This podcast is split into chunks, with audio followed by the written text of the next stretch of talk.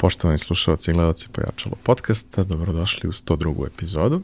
Ja sam vaš domaćin Ivan Milić, naša podrška je e, kompanija Epson, a danas imam veliko zadovoljstvo da uh, ugostim jednog od najinteresantnijih ljudi na tržištu, ovaj, uh, tržištu poslovne edukacije, mentorskog rada, edukacije u oblasti prodaje, a opet nekako vezane za naj, najčešće za vertikalu osiguranja, e, financija, gde je negde i najzahtevnije možda raditi, pa stvari koje rade tamo verovatno radi i na nekim drugim mestima. Ovaj, moj današnji gost je e, Darko Mirković, e, a Darko je motivacioni govornik, poslovni mentor, a i vrlo uspešan preduzetnik kroz nekoliko svojih projekata koje radi, o čemu ćemo kasnije pričati. Darko, dobrodošao. Bolje te našao. A, u prethodnom periodu, oblikujući sadržaj a, e, podcasta, a, e, razmišljao sam da, pored nekih mojih interesovanja koje svakako preovlađuju, jer uvek je onaj autor taj koji oblikuje to što će biti sadržaj, a, da to proširim stvarima koje ja lično smatram svojim nedovoljno razvijenim uh, veštinama, uh, ne bih li ja nešto naučio, jer na kraju dana ja mnogo naučim u svakoj epizodi i mnogo dobro upoznam neki ljude, čak i prijatelje kroz razgovore koji, koji prevazilaze te neke uobičajene uh, prijateljske teme.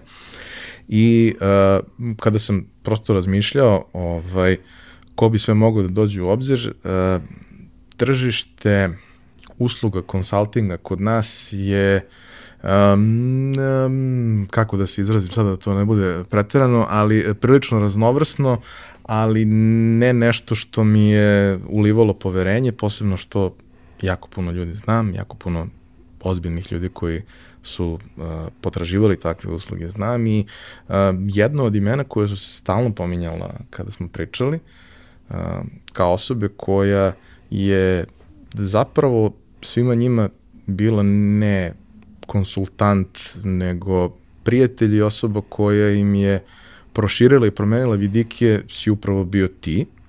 I to je primarni razlog zašto danas razgovaramo, a naravno sekundarni razlog su upravo tvoje ekspertize, jer ja jako poštujem i verujem uh, u to da uh, jedini način da neko od starta uliva poverenje je da kada dođe, kao ono što kažu, e, kada dođem pa prvo pokažem svoje ožiljke, kada, kada dođe pokaže stvari za koje ima sobstvene rezultate. Ok, i rezultate kasnije klijenata i svega ostalog, ali ono od čega si ti počeo i na čemu si gradio svoju poslovnu karijeru kasnije, si prvo sproveo u korporacijama na jako dobrom nivou sa uh, timovima koje si uh, dobio, kasnije gradio, a onda si uspeo sve to još da e, nadgradiš na način da uspeš da preneseš i primeniš u najrazličitijim sredinama, što, što mislim da je ovaj, e, velika stvar. Sad ovo je baš bio dugačak uvod, ja tako ponekad me uhvati pa, pa napravim dugačak uvod, ali čisto sam hteo i tebi i, i, i gledalcima i slušalcima da oslikam uh, prosto koje je, koje je neki razlog i motivacija uh, i šta su neke teme koje ćemo danas pokriti. To je pre svega uh, uvod kroz, kroz tvoju ličnu karijeru i tvoj lični razvoj, a zatim mnogo više kroz, kroz rad sa drugima i rad sa firmama gde možemo zapravo da vidimo od onih najuspešnijih i najvećih do onih malih sa, sa dobrim potencijalom i šansom za rast, gde grešimo i šta je to što nas sputava da ostvarimo svoj pun potencijal. Darko, moram da ti pitam isto što sam pitao sve ostale koji su mi bili, a šta si hteo da budeš kad porasteš? E, ja bih prvo želeo da ti se zahvalim na, na pozivu. Pratim tvoj rad i ovaj, um, uživam u, u tom tvom doprinosu koji ostaviš na tržištu. Drugo, um, pozvao si me na jedan opušten i neobavezan razgovor, a sad si mi sa tim uvodom onako stavio jedan džak od 50 kg na leđa jer si me tako predstavio da sad će svi oni koji budu gledali ovu emisiju slušati i očekivati neki wow od mene. Ja ću se truditi na neki način ovaj, razmenim svoje iskustvo sa tobom i da doprinesem tom tvom uvodu, ali moram ti odmah reći da mi nisi olakšao, znaš, nego si mi ovaj, otežao. A kad sam bio mali, ne znam, od malih nogu sam nekako očekivao nešto veliko, neke velike stvari, neku samostalnost, neku slobodu. Dosta toga se zasnovalo na iluziji. Gledao sam puno filmova, gledao sam te, te amer, američku produkciju koja je ono svima obećala uspeh i tako dalje i jedva sam čekao da poraste. Mislim da sam um, detinstvo propustio u želji da porastem. Da dođe to moje vreme da ja nešto uradim. Tako da nemam nešto konkretno da ti kažem šta sam želeo da budem kad porastem, ali samo sam čekao taj trenutak da porastem i da, da se to meni nešto desi. Mlad si krenuo da radiš, ušao si odmah u mašinu iz razloga što je prosto situacija to zahtevala. Uh, ja jako cenim ljude koji mladi preuzmu odgovornost, jer na kraju dana to što si odlučio da radiš jeste da si preuzeo odgovornost i za sebe i možda u određenoj meri i za, za porodicu, a, a to je prilično dobra osnova za sve ono dalje što sledi. Ali e, istražujući te, pričajući sa tvojim klijentima, partnerima, zajedničkim prijateljima, a, nekako mi se čini da taj a, trenutak a, kada se kada transformacija počinje je trenutak kada si uh, kao vrlo mlad odlučio da, da odeš u Ameriku. Zašto si hteo da odeš u Ameriku? Šta je bila tvoja motivacija i tvoje očekivanje od Amerike? Pa upravo ovo što sam ti rekao, u detinstvu sam želeo da mi se desi nešto veliko, a moje detinstvo se završavalo kad su počinjale 90.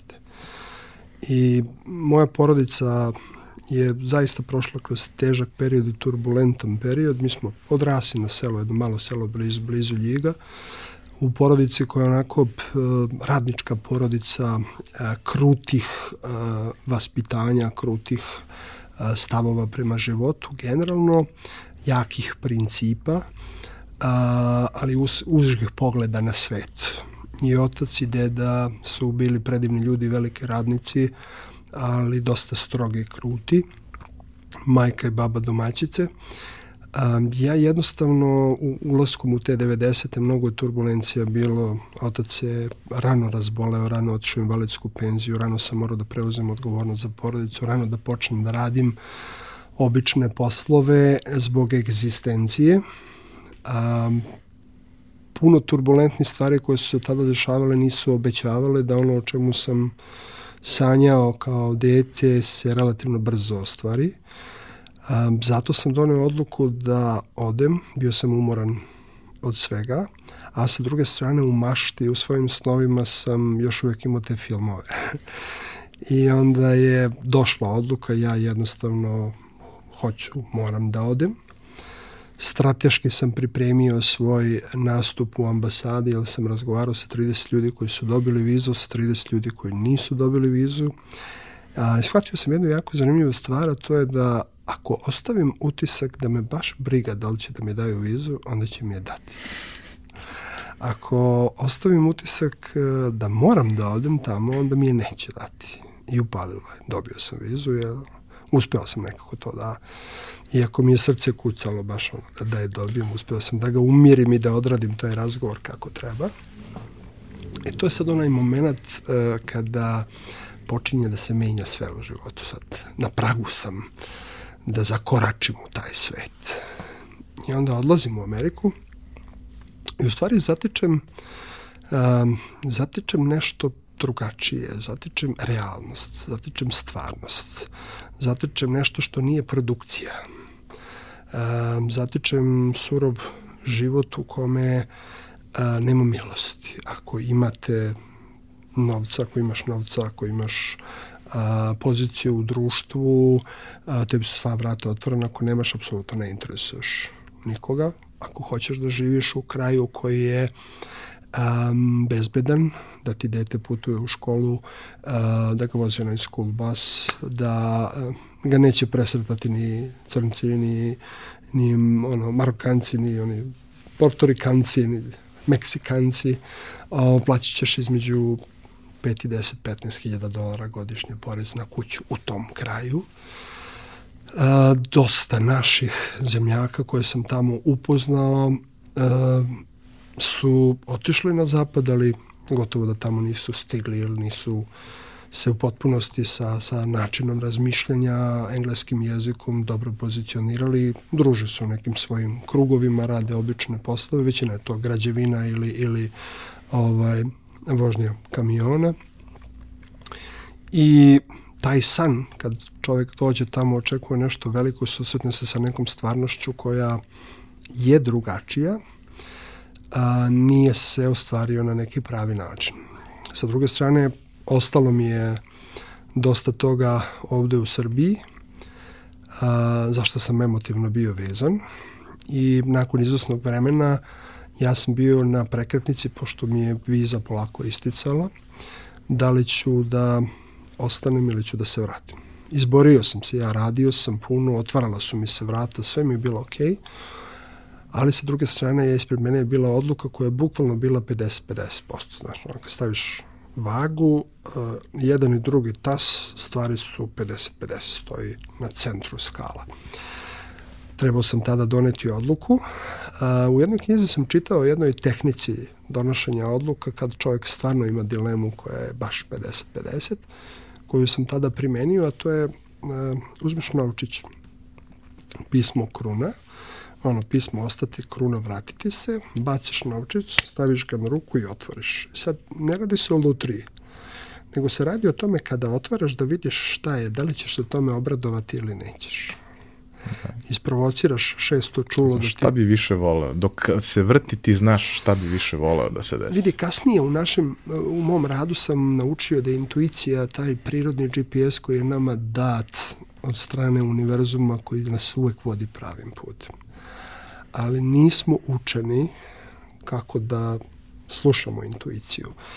Mi smo se rodili sa najsofisticiranijim računarom u univerzumu koji se zove mozak, koji ima 100 milijardi neurona. Svaki od tih 100 milijardi neurona je ukršten sa preko 20.000 drugih neurona.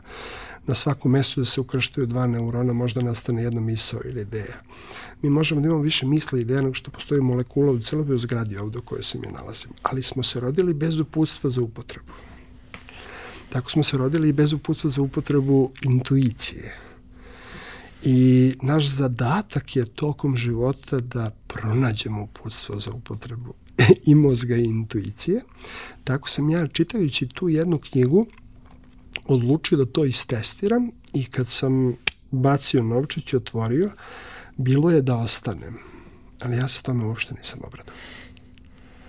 Ja sam tada shvatio da moja intuicija mene vraća nazad. I ja tek kad sam se vratio nazad, meni su se u stvari ostvarili snovi.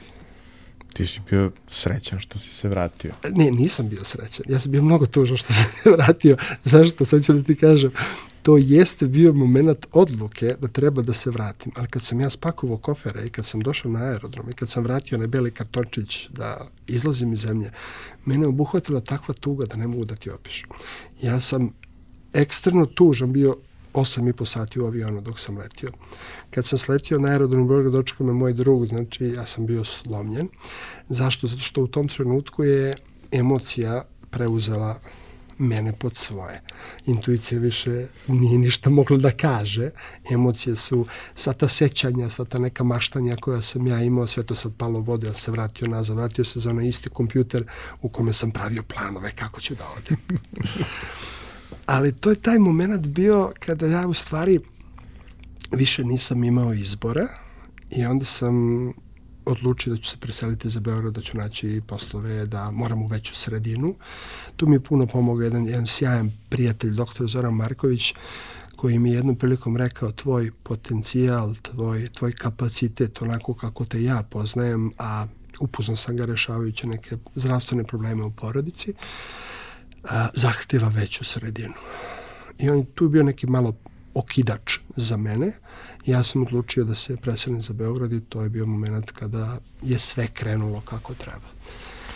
Mislim, moj je bar utisak uh, da je jedna bitna stvar koju si dobio iz Amerike, verovatno ne jedina, podelit ćeš ako, ako misliš da ima još nešto, ali taj trenutak da si uh, razvijao iluzije koje si imao prema tome i da si onda mogao mirna srca i čiste duše da razmišljaš Tako je. o tome šta se dešava. Tako je. Razbio sam tu iluziju da tamo negde je mnogo lakše i mnogo bolje nego ovde. I to bi preporučio svim ljudima a, koji imaju tu vrstu iluzije. Da, uvek postoje ljudi koji su otišli negde i bolje žive. Uvek postoje. Uvek je tih 3 do 5, 10% ljudi koji bi verovatno bili uspešni i ovde.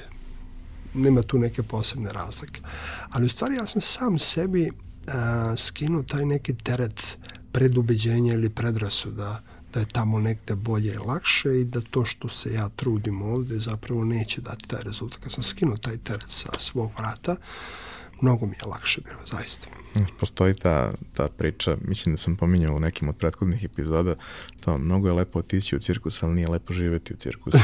da. Svi mi kada, kada prvi put odlazimo u Ameriku, Da. Ove, ovaj, ja sam imao sreću da prvi put kada sam otišao nisam otišao u New York jer New York je Disneyland, Ove, ovaj, nego sam krenuo od nekih manjih sredina pa se to kroz naredne odlaske ove, ovaj, sam shvatio da zapravo postoji 50 Amerika, ako ne i više, da je svaka država, svaki grad priča za sebe, Tako. ali potpuno drugačije sve to izgleda kada ti odiš turistički i uživaš u nečemu. I ostaneš kratko. A potpuno drugačije izgleda kada treba da živiš u, u tako nekim okruženjima. I ostaneš duže i upadneš u sistem, u mašinu, pa onda dođeš do zaključka da ti treba između 350 i 750 dolara mesečno samo za zdravstveno osiguranje gde si pokriven 80%, ne više, u većini slučaja i tako dalje. Znači sve te neke parametre, jedno kad, kad uzmeš automobil, kad uzmeš stan, kad uđeš u rate, kredite, i to je mašina koja jednostavno ne sme da stane. Ne daj Bože da se razboliš taj deo je kod njih baš onako finansijski surov, mnogo košta. Znam ljude koji su jednostavno radili ceo život i stvorili mnogo i neki član porodice se razbolao i sve što su zaradili nije bilo dovoljno da, da pokrije te troškove i tako dalje.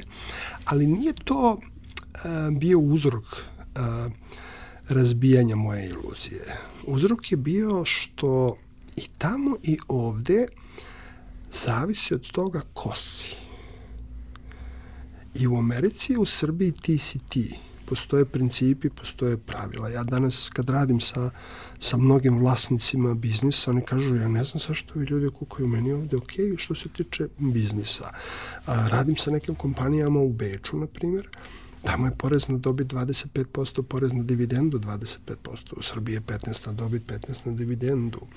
A, mm, Za preduzetnike ima. Znači, sve zavisi Da li je nešto bolje? Da jeste, imaš celo tržište, Amazon ti isporučuje robu, znači, ali uvek ima i plus i minus. I mi se nekako uvek skoncentrišemo na taj minus, a ne na plus, što je opet biologija ljudskog mozga, jer ljudski mozak je dizajniran da 11 puta mu brže privlače negativne stvari i pažnju, jer se plaši preživljavanja, nego pozitivne, ali kad čovjek stvarno zagrebe i dođe i do pozitivnih stvari i stavi ih na papir, mislim da je mnogo važnije ko si i gde si krenuo u životu od toga gde si. Da, mislim, kod nas je uvek to tema što možda i nije okej okay za pričati, ali i ja se smatram da nije, ali to je uvek tema kao kad neko dođe iz inostranstva kolika ti je plata. I svi se oduševljavaju, posebno ajde što većina mojih prijatelja su IT-evci, mislim kao imaju ogromne plate. Uh mhm. -huh. A kao kolika ti je plata? Aha, I niko ne pita drugo pitanje koliki su ti troškovi života. I ti prvi put kad staviš u, u jednačinu ta dva, ti zapravo shvatiš da slično je. Ima razlika i možda su te razlike to što postoji, možda je to dovoljan razlog tebi da budeš tamo, a ne ovde. Ali hajde, ono, ima i sve informacije, zaista, pa na osnovu njih uh, donesi odluku. A, ti si svoju profesionalnu karijeru pre nego što si se otisnuo u preduzetništvo, uh, gradio kroz uh, financije, uh, gde si se profilisao i postao prepoznat kao jedan od uh, najboljih prodavaca, ali kasnije, kažemo, i ljudi koji su vodili te prodajne timove, koji su učestvovali u osmišljavanju nekih a, proizvoda koji, koje treba prodavati kao i kampanja koje uz to idu. A, prilično pionirski poduhvat u tom trenutku na tržištu koje je potpuno nezrelo i nespremno za bilo šta od toga, u mentalitetu gde je sramota bilo šta pitati, ponuditi, bilo šta slično. Kako izgledalo to iz, iz tvog ugla tada? Pa jedna od stvari koja mi je tu strašno pomogla jeste uh, shvatanje da tamo gde su najveći problemi, tamo su najveće šanse i mogućnosti. A, većina ljudi traži siguran posao sa fiksnom platom u firmi koju je napravio neko ko nikad nije tražio to. Oni bi se rado menjali sa njegovim kvalitetom života, ali da zadrže svoju sigurnost na tuđim leđima. Ja sam dolaskom u Beograd tražio a, poslove vezane za prodaju zato što sam negde a, osetio da ta komunikacija sa drugim ljudima koja je uvek kod mene onako po principima iz porodice a, ovaj, bila čista, iskrena, otvorena. A, bilo je tri ponude sam dobio u tom trenutku. A, Raiffeisen banka je tada pokrenula prva projekat uh, direktne prodaje bankarskih proizvoda na, na tržištu, što je bio pionirski poduhvat.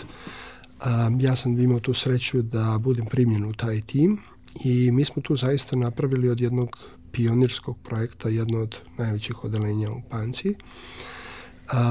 Verovatno ta neka um, želja, ta, ta neka potreba koju sam ja imao u tom trenutku da, da se pokažem, dokažem, stvorim neke vrednosti je bila moje veliko pogonsko gorivo i, i jedna razlika u odnosu na, na većinu kolega koji su zaista bili divni i to, to odelenje s tim ljudima sam i dan danas u predivnim odnosima.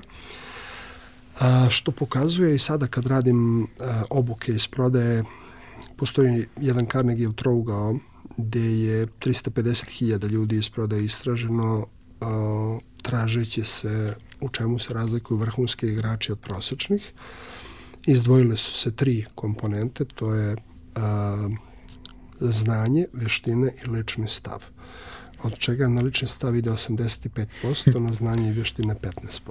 E, moj taj lični stav ili ta želja i potreba u tom trenutku je bila tako velika i ja kada sam ja imao jako velike aktivnosti, radio ne samo u okviru prve smene, nego tražio i drugu i treću smenu u kompanije koje rade. Uh, ušao u mnoge firme, sklopio sjajne odnose sa mnogim obračunskim službama, jer mi oni trebaju, overavali su tad te zahteve i tako dalje.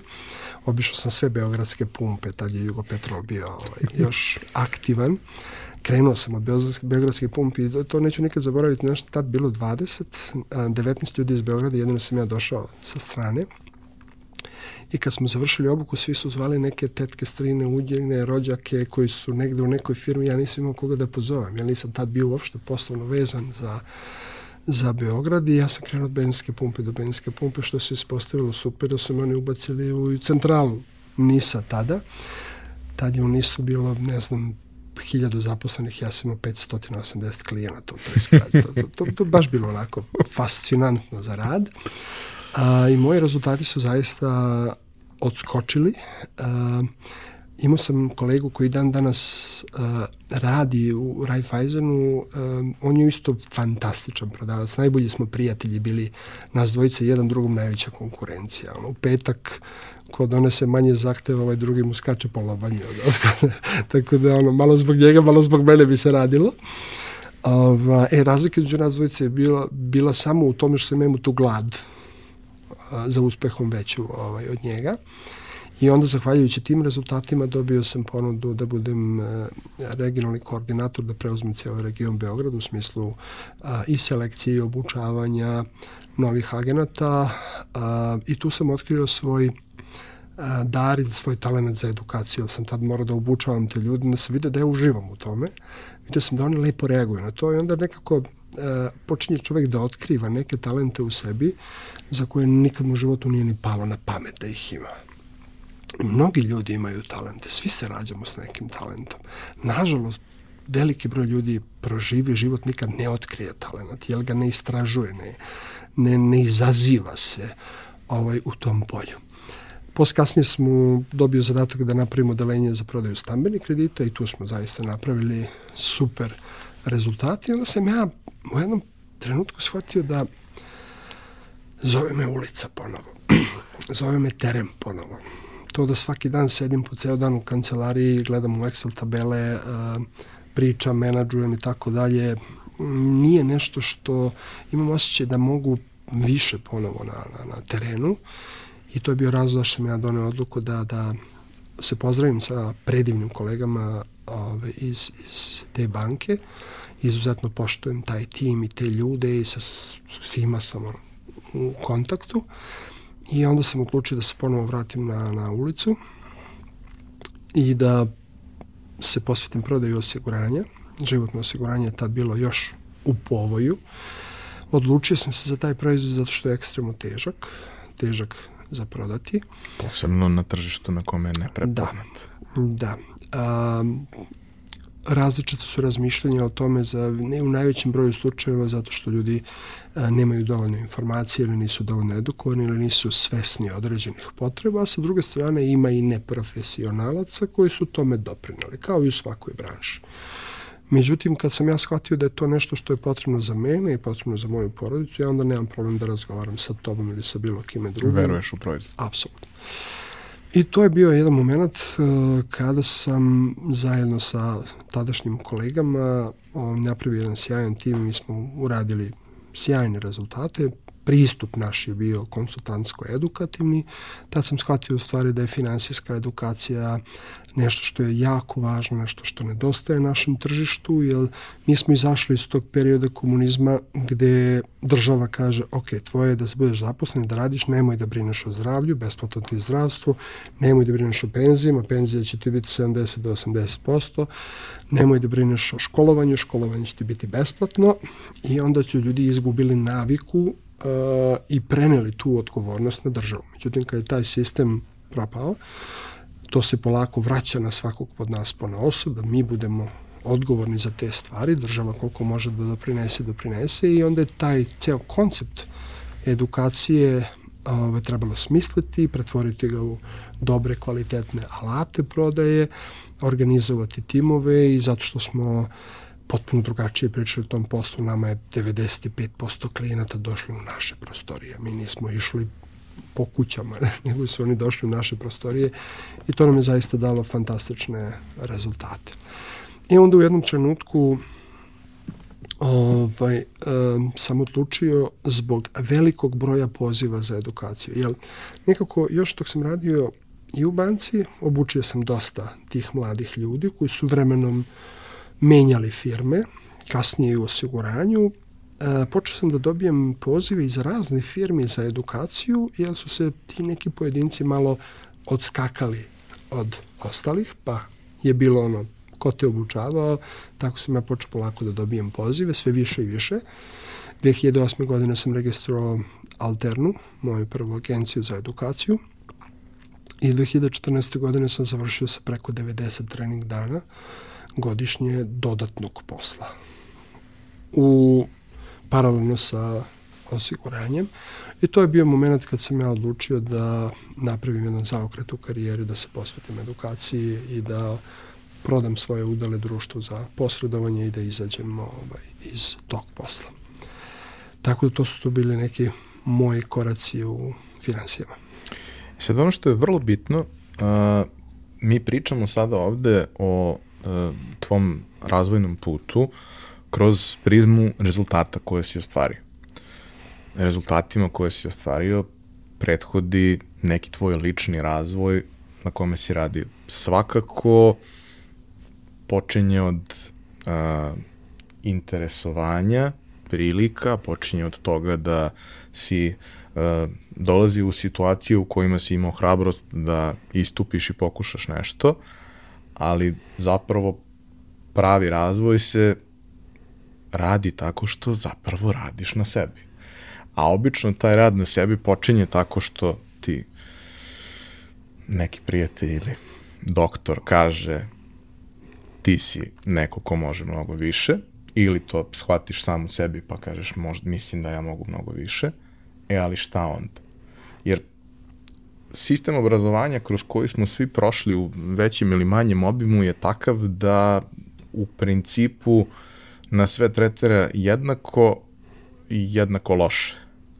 Odnosno da se e, poravnava prema proseku, ako ne ispod toga i da sve što izlazi iz nekog proseka se, aj, ne moramo da kažemo sankcionišemo da ima i toga, ali se svakako ne, ne podržava i ne podhranjuje, osim u nekim vrlo redkim izuzetnim situacijama i onda imaš zašto je neka osnovna škola ili srednja škola toliko iznad svih ostalih, pa zato što ne seku sve one koji pokažu neko interesovanje, nego im pomognu da se fokusiraju na to. A, lični razvoj je drugačija stvar, jer tu suštinski ti upravljaš sobom i tebe vodi ono što su tvoje interesovanja, kasnije kad malo to sve osvestiš i neke tvoje potrebe. A, šta su bile prve stvari koje si ti shvatio, ko su bili prvi ljudi, autori sa kojima si ti došao u kontakt. Danas je tvoja karijera vrlo uh, obojena saradnjom sa nekim neverovatnim ljudima, ali ajde da krenemo od toga kako je to počelo. Pa upravo tih ljudi nesvesno, nenamerno. Prvu knjigu koju sam iz popularne psihologije dobio u svoje ruke bila je upravo knjiga Ciljevi od Briana Tracy. Um, ja iskreno u formalnom obrazovanju um, jednostavno literatura koja je fokusirana na formu, a ne na suštinu mi je bila, nisam je želeo.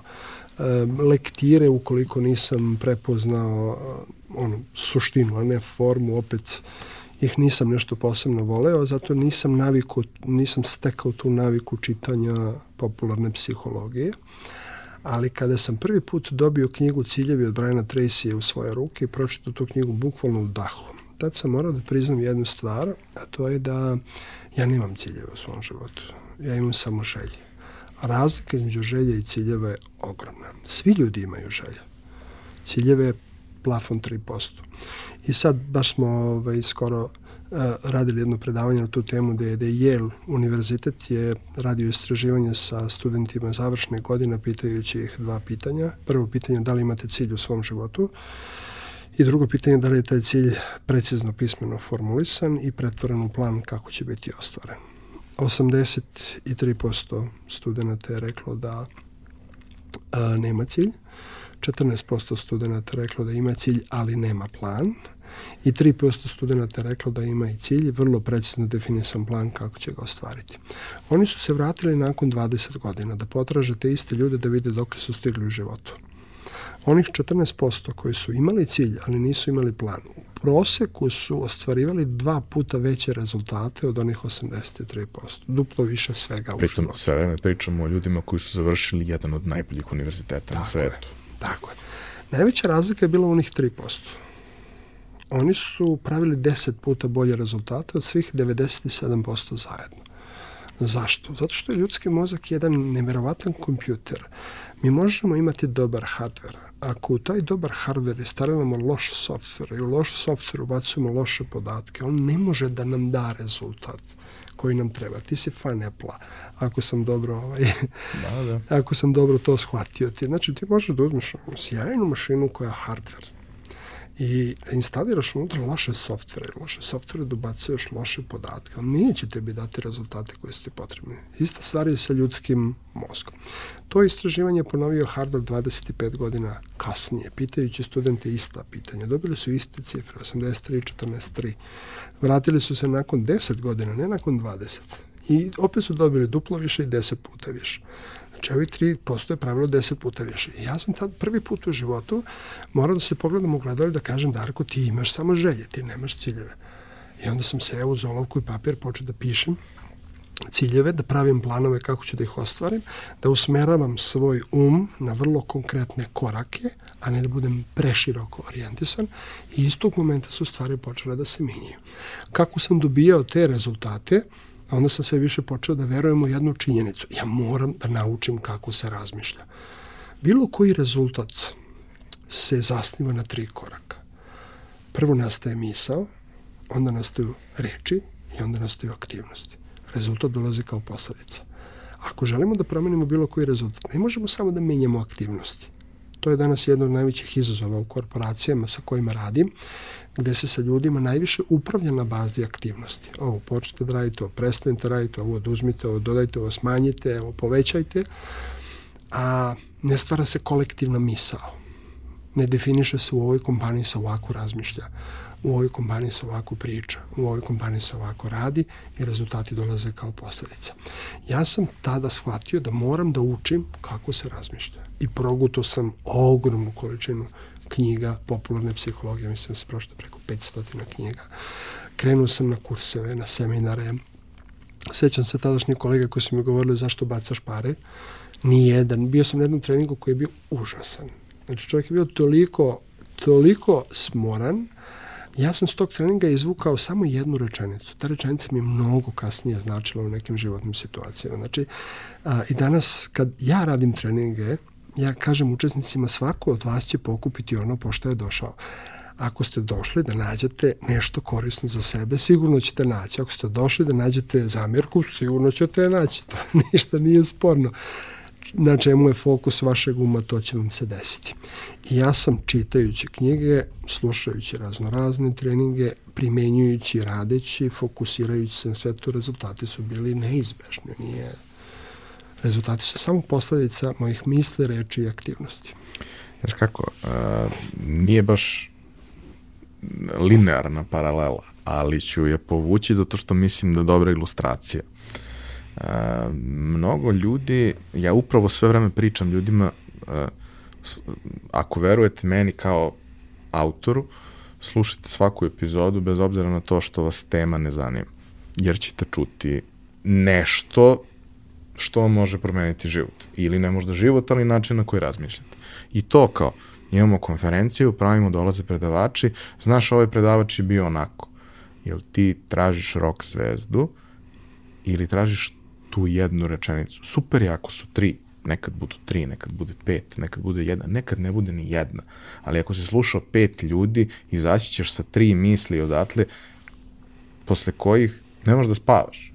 Ja bih rekao da to nije loše. Mislim, ne volim ja da ne mogu da spavam, ali, ali postoje razlozi zbog kojih ne spavaš koji, koji su dobri. A, šta sam recimo ja primetio, opet radeći mnogo manje profesionalno i na, sa nekom ozbiljnom bazom, nego više onako ljudski, intuitivno i sa prijateljima i sa kolegama i tako dalje, da smo mi, a, ne znam koliko je to na drugim mestima tako, ali ovde definitivno jeste, da smo mi jako okrenuti ka tome da vrlo često angažujemo nekog, sad ne mora to da bude konsultant, to može da bude trener u teretani, to može da bude nutricionista, angažujemo nekog, platimo ga novac koji nam je koji nam nije beznačajan.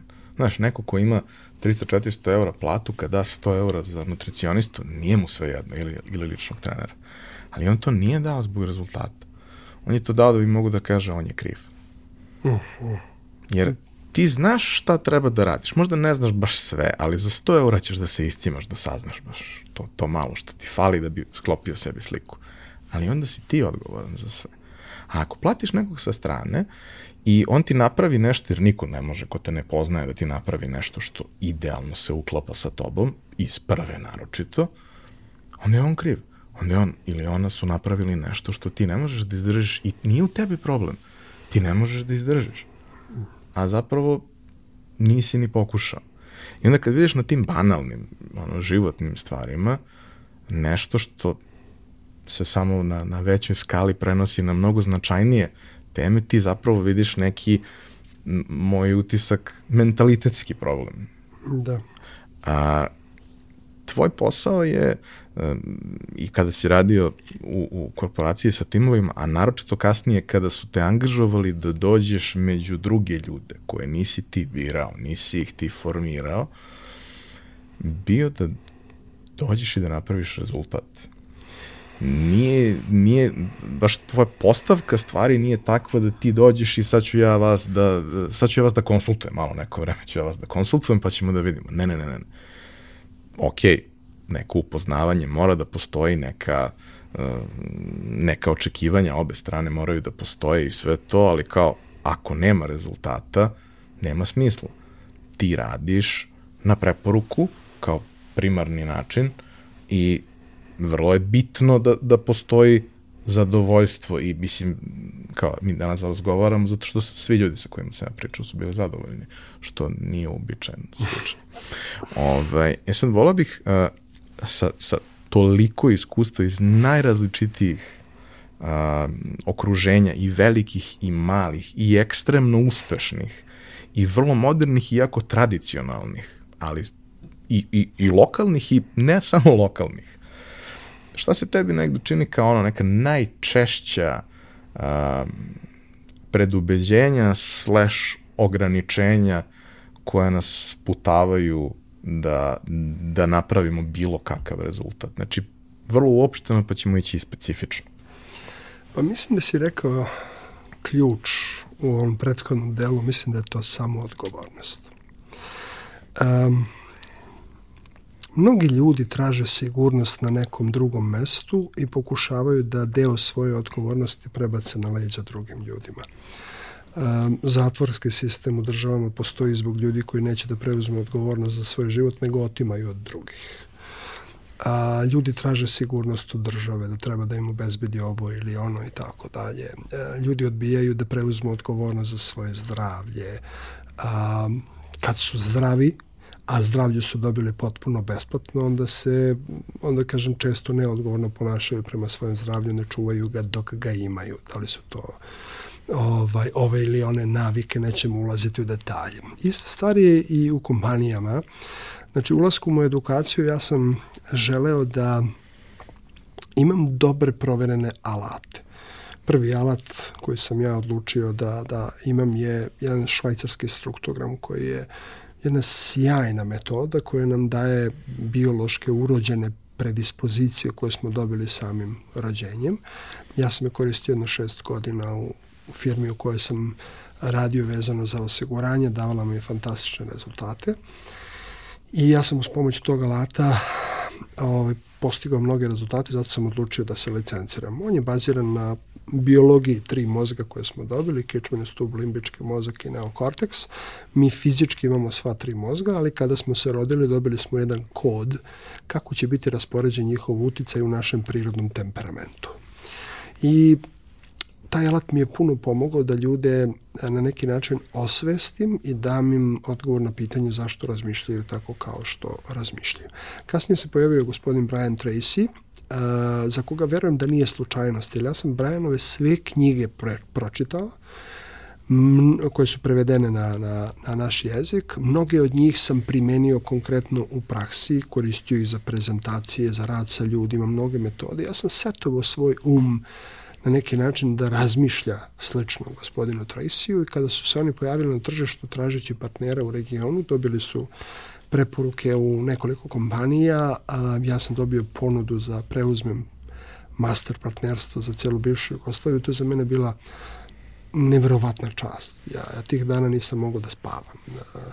Finansijski sam bio potpuno nespreman, jer cifre o kojima smo pričali su bile cifre za mene u tom trenutku ovaj, basnoslovne, ali ja sam morao da nađem način da, da krenem u saradnju sa njima.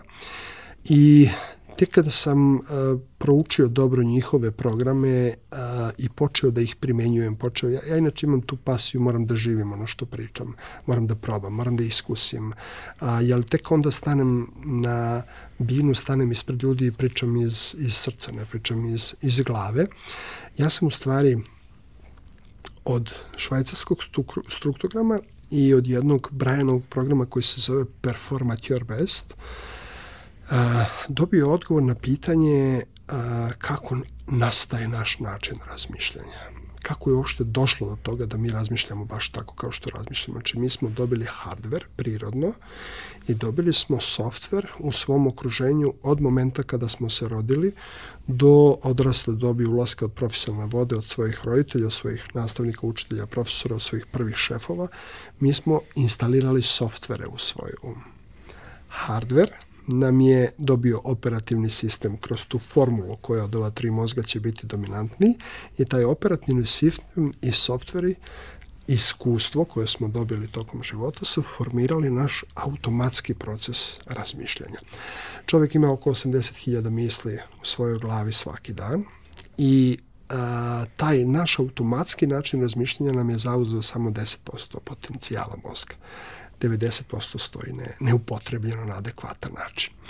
I to je ključna formula koja meni omogućila da ja shvatim, da ja mogu ljudima da pomognem da promene svoje rezultate ako im pomognem da promene svoje uverenja, svoj način razmišljanja.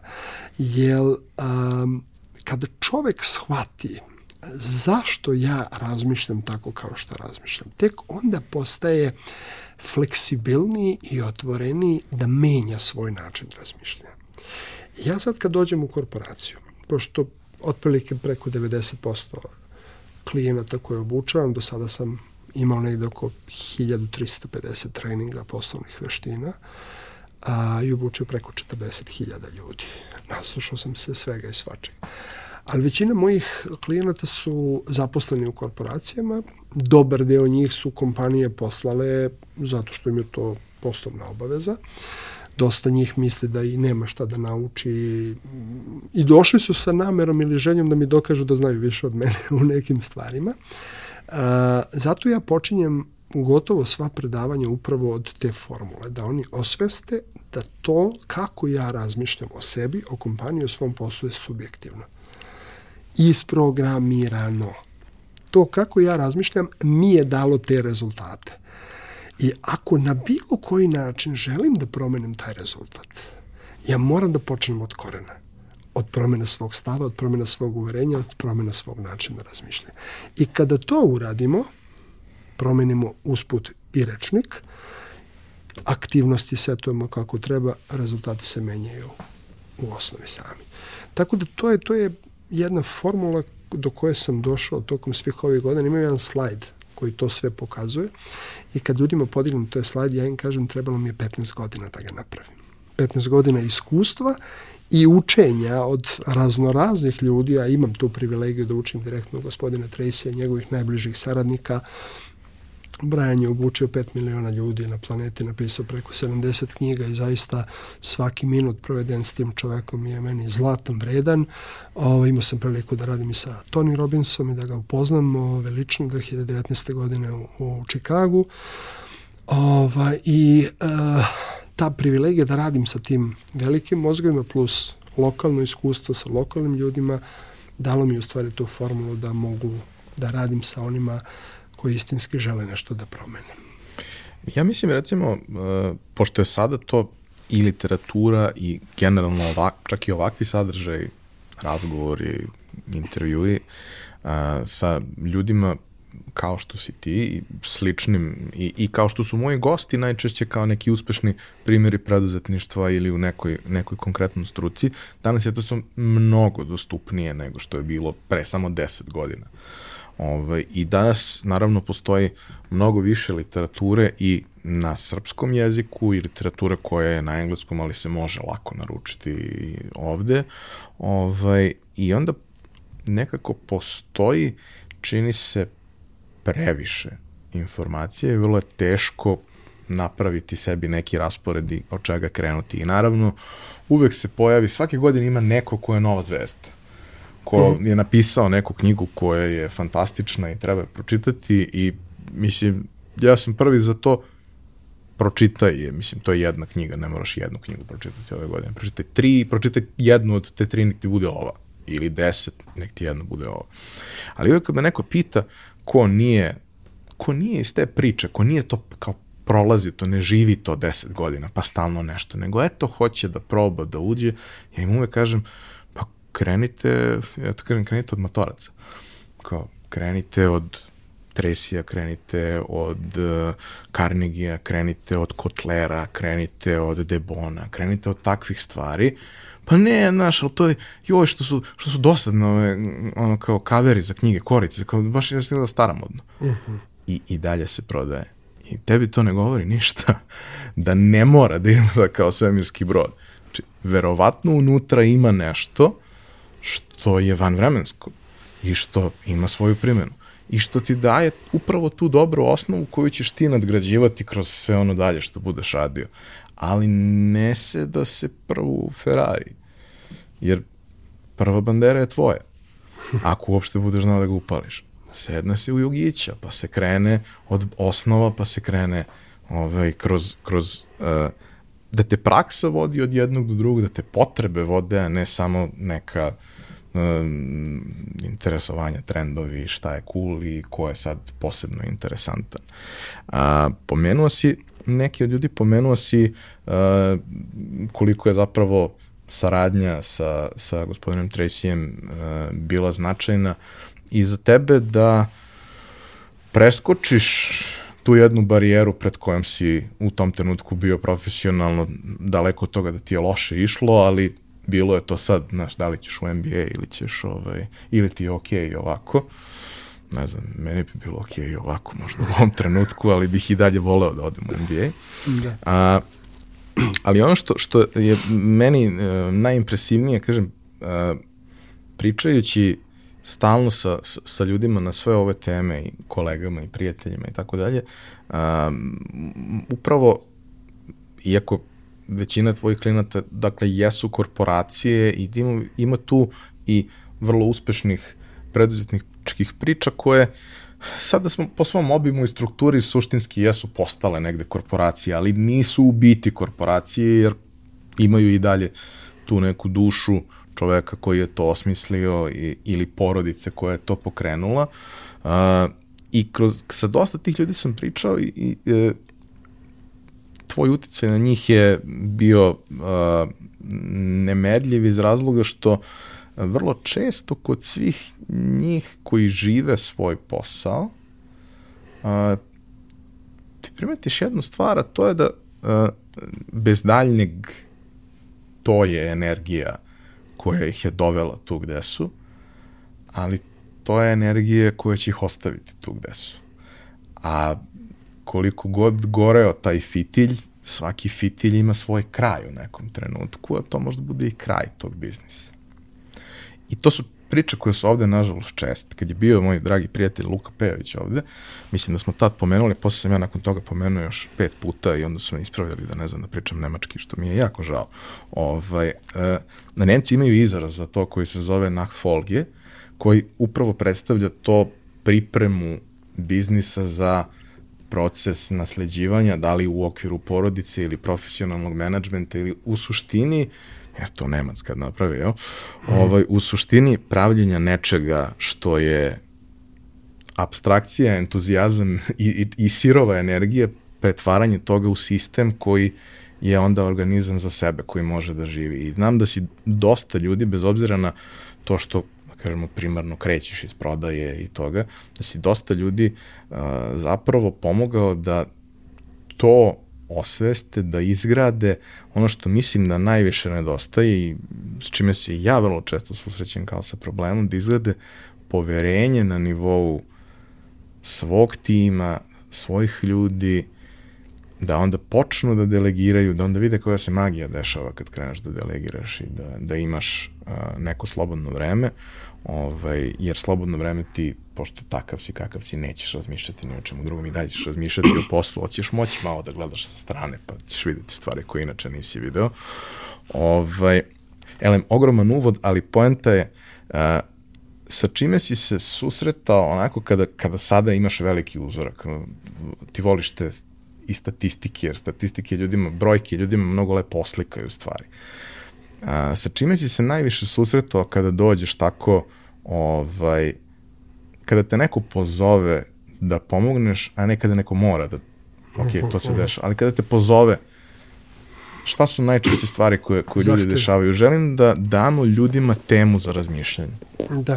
Ja bih se vratio na uh, ove ljude koji su tebe pitali odakle da krenem. Dosta ljudi koji žele da napravi neku promenu u životu traži čarobnu pilu. Traži čarobnu knjigu. E, ako pročitaš tu knjigu, tvoj život će da se transformiše i tako dalje. Nažalost, mnoge prodajne strategije pisaca koji pišu te knjige su upravo to. Pročitaj moju knjigu i transformisat ćeš svoj život. Koliko puta ti se desilo pročitaš neku knjigu, a ništa ti se nije promenilo? Knjiga jeste dobra, sadržaj knjige ne menja život. Primena sadržaja knjige menja život. E sada, a, ono što sam shvatio da se bilo koja promena može sprovesti u delo, potreban je neki kontinuirani rad. Sve stvari u našem životu su određene našim odlukama.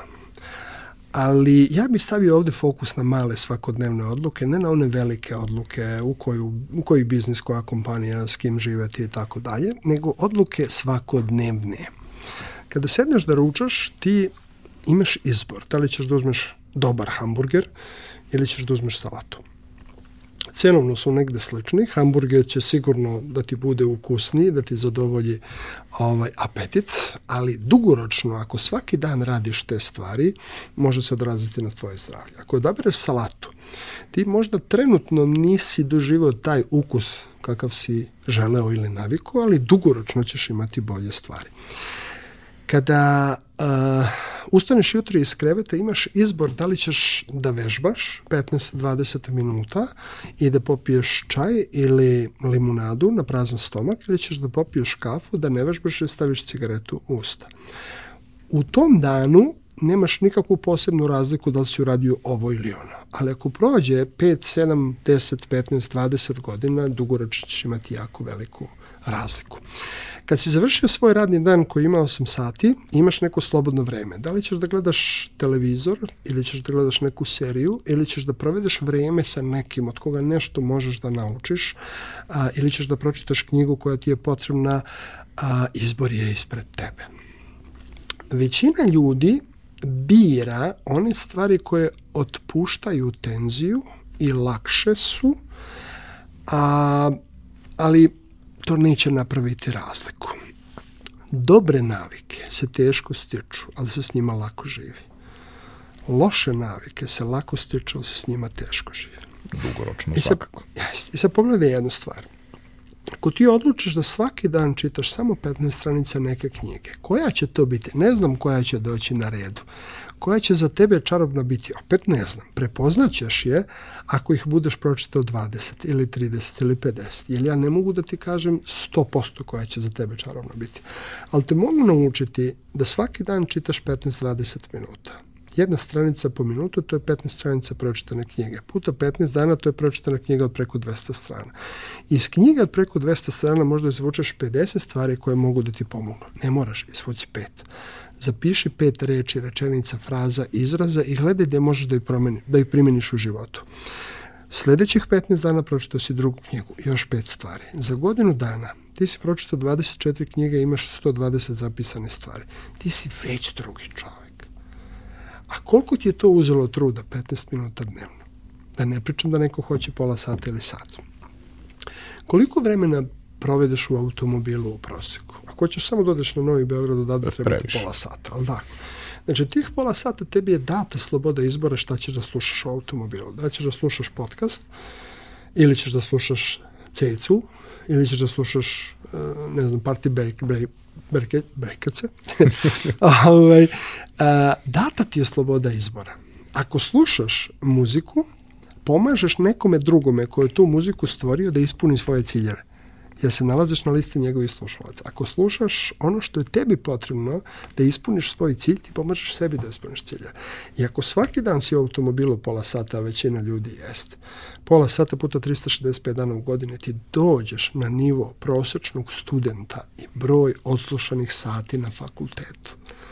I mi imamo svake godine priliku da u tim trenucima u kojima ništa drugo ne možemo da radimo, završimo po jednu godinu fakulteta to pravi razliku. Dugoročno. E sad, šta je problem? Problem je što a, određene odluke a, su lakše, lakše se izaberu, a određene odluke su teže. Zahtevaju napor. Ja volim često da kažem zahtevaju bol. I tu postoji jedna formula koju sam naučio. A to je, svi smo mi u životu dobili količinu bola i količinu zadovoljstva ali nam je data sloboda izbora kako ćemo da ih koristimo. Ako se odlučimo da svakodnevno koristimo malo zadovoljstva, dugoročno nas čeka veliki bol. Ako se odlučimo da svakodnevno koristimo malo bola, dugoročno nas čeka veliko zadovoljstvo. Bol ćemo da potrošimo, nećemo ni da osjetimo. Ne, a ne, zato što je u malim segmentima. I ti mikro odluke su ono što menja život dugoročno, trajno i prirodno, ne neke velike odluke. A, odgovor na tvoje pitanje kad radim sa kompanijama, različiti su zahtevi. Neki su ljudi napravili velike stvari. Evo ja trenutno radim individualno sa čovekom koji ima 300 miliona eura prihoda godišnje. A, sa te biznis strane i ostali segmenta sve funkcioniš, ali postoje neke druge stvari koje ne funkcionišu baš na najbolji način. Jer, na primjer, mi svi oslanjamo se na tri stuba. To je poslovni uspeh, to je zdravlje i to je dobri odnosi privatni život. Ne mora to da bude porodica. Porodica mogu da budu ljudi s kojima ja delim iste vrednosti, s kojima se družim i tako dalje. Nekom je porodica, nekom taj oblik. A tek kako uspostavimo sva ta tri stuba na pravilan način, mi imamo onaj potpun uspeh u svom životu. I često kada radim i razgovaram sa ljudima koji su menadžeri, na primjer, multinacionalnim kompanijama, a, nekim predsednicima izvršnih odbora banaka osiguravajući kuća sam takođe ovaj, neka vrsta mentora ili, ili ovaj, ličnog trenera za, za neke oblasti koje treba da se unaprede. A, kada se mi onako otvorimo, stavimo na sto određene stvari i napravimo ta mala mikro promeranje na duži vremenski interval, rezultat ne može da izostane. A onda imamo ljude koji su uspeli to da slože kod sebe ali kod svojih najbližih ljudi sa kojima rade nisu. Nešto nešto ima. Postoje ljudi koji su napravili super biznise, ali imaju taj autokratski pristup. Niko to ne može bolje od mene. Ja sam ovaj biznis podigao, ja sam ga postavio na noge. Kako ja sada zaposlim nekog i da mu to dam, a bolji sam od njega i tako dalje. Znači, dok ne rešimo taj mindset, šta je cilj preduzetništva? Da li je sloboda ili ropstvo? Ako je robstvo da te ceo biznis uzme, da nemaš ni slobodnog vremena ni za decu, ni za, da, da, da, ni za drugove, ni za strateško razmišljanje od operativnog posla, a onda dugoročno to je nešto što a, može... To je kratkoročno opravdano kada je neophodno. Tako je. Ali mora da se oroči. Tako je. I ne moraš ti da ispoštuješ to što si rekao. Ja ću godinu dana. Ne mora bude godinu. Nek bude godinu i po. Nije važno. Ali znaj da to nije tako. način i pripremi teren tako. da to nije način da dugoročno tako funkcioniš. Tako je. Postoji nešto što se zove um, tri oka preduzetnika. Uh, postoje tri vremena. Postoji preduzetničko oko koje gleda u prošlost, preduzetničko oko koje gleda u sadašnjost i preduzetničko oko koje gleda u budućnost u prošlost gleda da izvuče određena iskustva i to je takozvano menadžersko oko, znači ovo su mi iskustva, ovo su mi informacije, na osnovu toga razmišljam.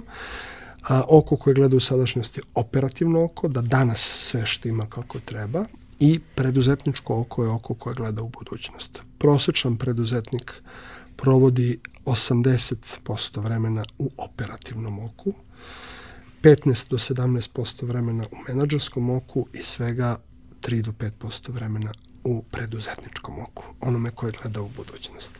I to je ozbiljna zamka u koju, nažalost, upadne veći ovaj, broj preduzetnika, jer oni podižu kompaniju do nivoa dok kompanija ne počne da prerasta njih ne počne da prerasta sposobnosti jednog čoveka. I tada taj čovjek treba da shvati da je njegov zadatak da traži vrhunske ljude ljude od poverenja, da im da platformu, da im delegira i posao i odgovornost i da ih implementira u posao, da oni rade a, ono što je, kako da kažem, ja uvek kažem, sve što može da uradi neko čiji radni sat košta manje od vašeg morate da delegirate. Da rasterete vlasnika biznisa koji treba da bude jedan strateg, jedan vizionar, a, i da dobar deo vremena bude mentalno rasterećen da čita, istražuje tržišna kretanja, istražuje konkurenciju i tako dalje, da bi mogo da donese strateške odluke da upravlja sa tim timom. Ali, na primjer, meni se skoro desilo da me pozove jedan preduzetnik, vlasnik biznisa i kaže Darko, dobio sam preporuku za tebe od mog partnera s kojim radim, on je jako zadovoljan rezultatima koje je uspeo da promeni u radu sa tobom. Ja imam ovih šest menadžera, bukvalno ovako mu izraz lica. Znači, ja imam ovih šest menadžera, ovaj, to su mi ljudi koji mi vode ove sektore u kompaniji, pa sam htio da te pozovem, da ti možeš da uradiš nešto s ovih mojih šest kretena. I ja kažem, ne mogu. Da, prva stvar koju sam rekao, ne mogu. Kaže, ne, kako ne možeš, a nisi ih ni upoznao. Pa ja kažem, rekao, gledajte, prvo pitanje za vas je ko je uopšte zapostavio kretene u kompaniju. Drugo pitanje za vas, ko je kretene stavio na odgovornu poziciju. I on me gleda i kaže, dobro, razumeo sam poentu. Ja kažem, gledajte, ja prvo moram sa vama da razgovaram zašto se uopšte u vašoj glavi pozicionila reč kreteni, a to su vam ključno. A da, ja se tu tako šalim, rekao, gledajte, izgovorena reč ima enormnu težinu. I onda smo prvo nas dvojica radili tri meseca pre nego što sam ja počeo da radim s njegovim ljudima. Za ta tri meseca mi smo posložili bukvalno kako se razmišlja, kako se priča i kako se radi sa ključnim ljudima. E onda sam počeo da radim sa njegovim članovima tima, ali ja radim sa njima periodično i u intervalima, a on je svaki dan sa njima. Ono što ja uradim sa njima periodično u intervalima, on mora da podrži na svakodnevnom nivou. Kao Tako veći je, nije autoritet, poenta da razgradi to. Ne može Ovako koliko smo god... napravili promenu. Da. Ja, ne mogu ja, ja, šta god uradim sa njima, oni se vraćaju njemu. Ja, Iako njeg, on nije taj. Sve mi, uh, sruši mi sve ono što sam ja uradio. Zašto? Nesvesno mi sruši. Pa zašto? Pa s njim su svaki dan. On je vlasnik, on ih plaća, ne plaćam ih ja. Oni će mene da saslušaju. Oni će da pokušaju da primene nešto, ali ako on nastavi s njima na isti način da radi do tada, mi ne možemo da napravimo promenu. A, isto imao sam situacija gdje vlasnik firme um, priprema sina da se im preuzme ovaj, određene poslove, odnosno preuzme korporaciju i tako dalje.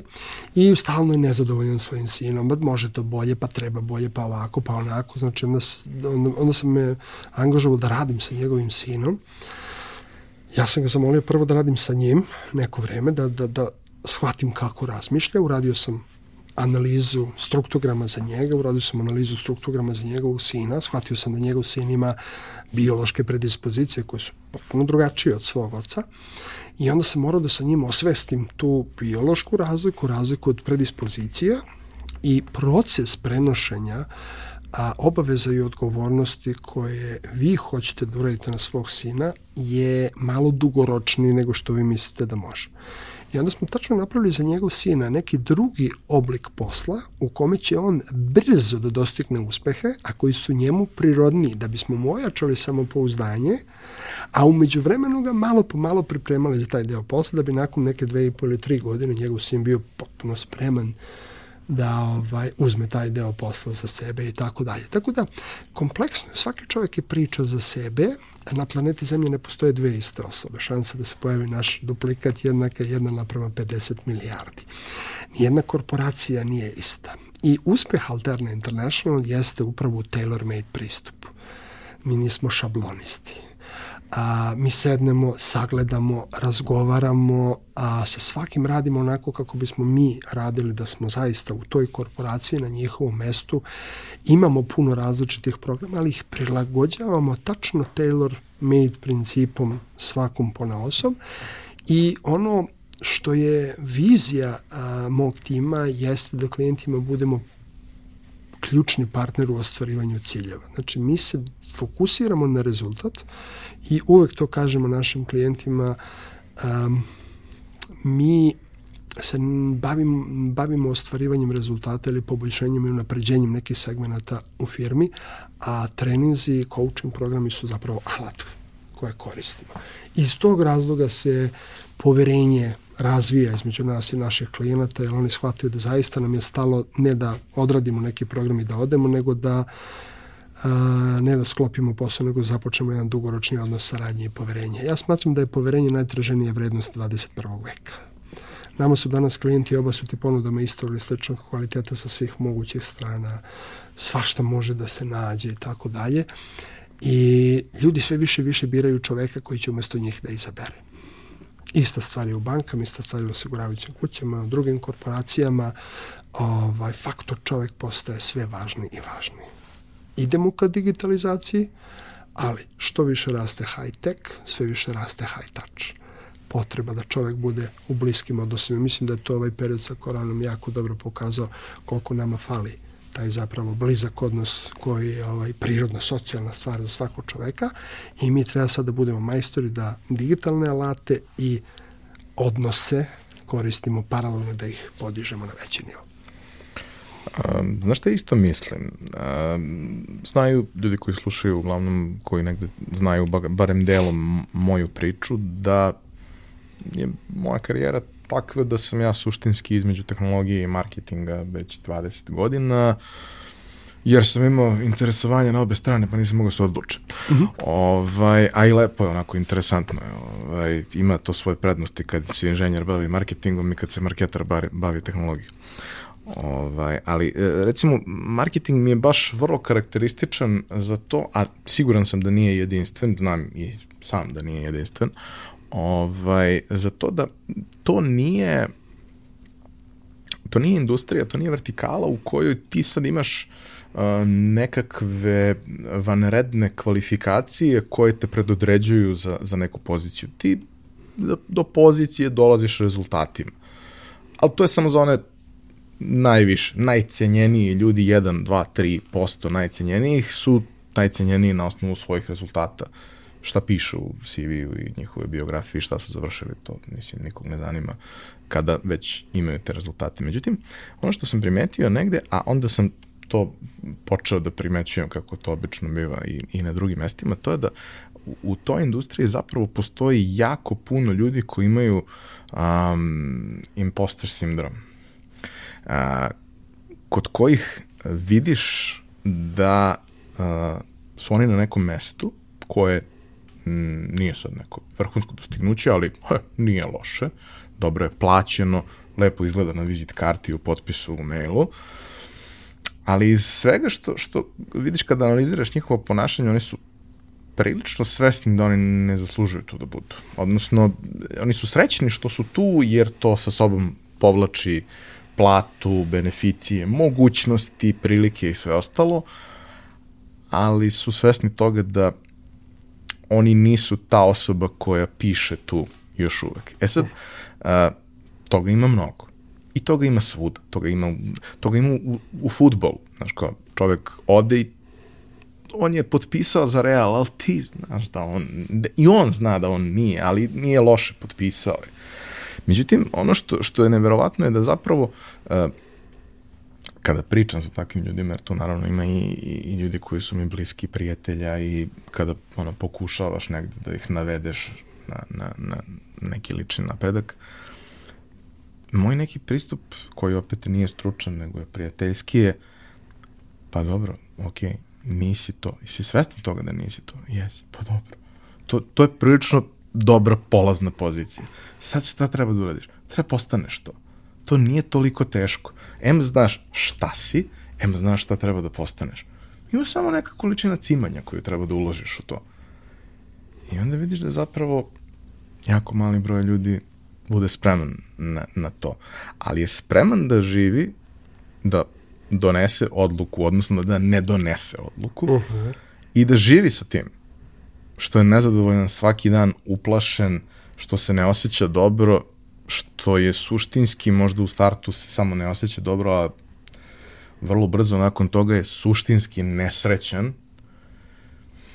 jer eto, to donosi sa sobom neke beneficije i ne želiš da se odrekneš beneficija, ali ne želiš da se istimaš da ih zaslužiš. Da, i onda počinje da brani svoje mesto autoritetom pozicija, ne autoritetom ličnosti.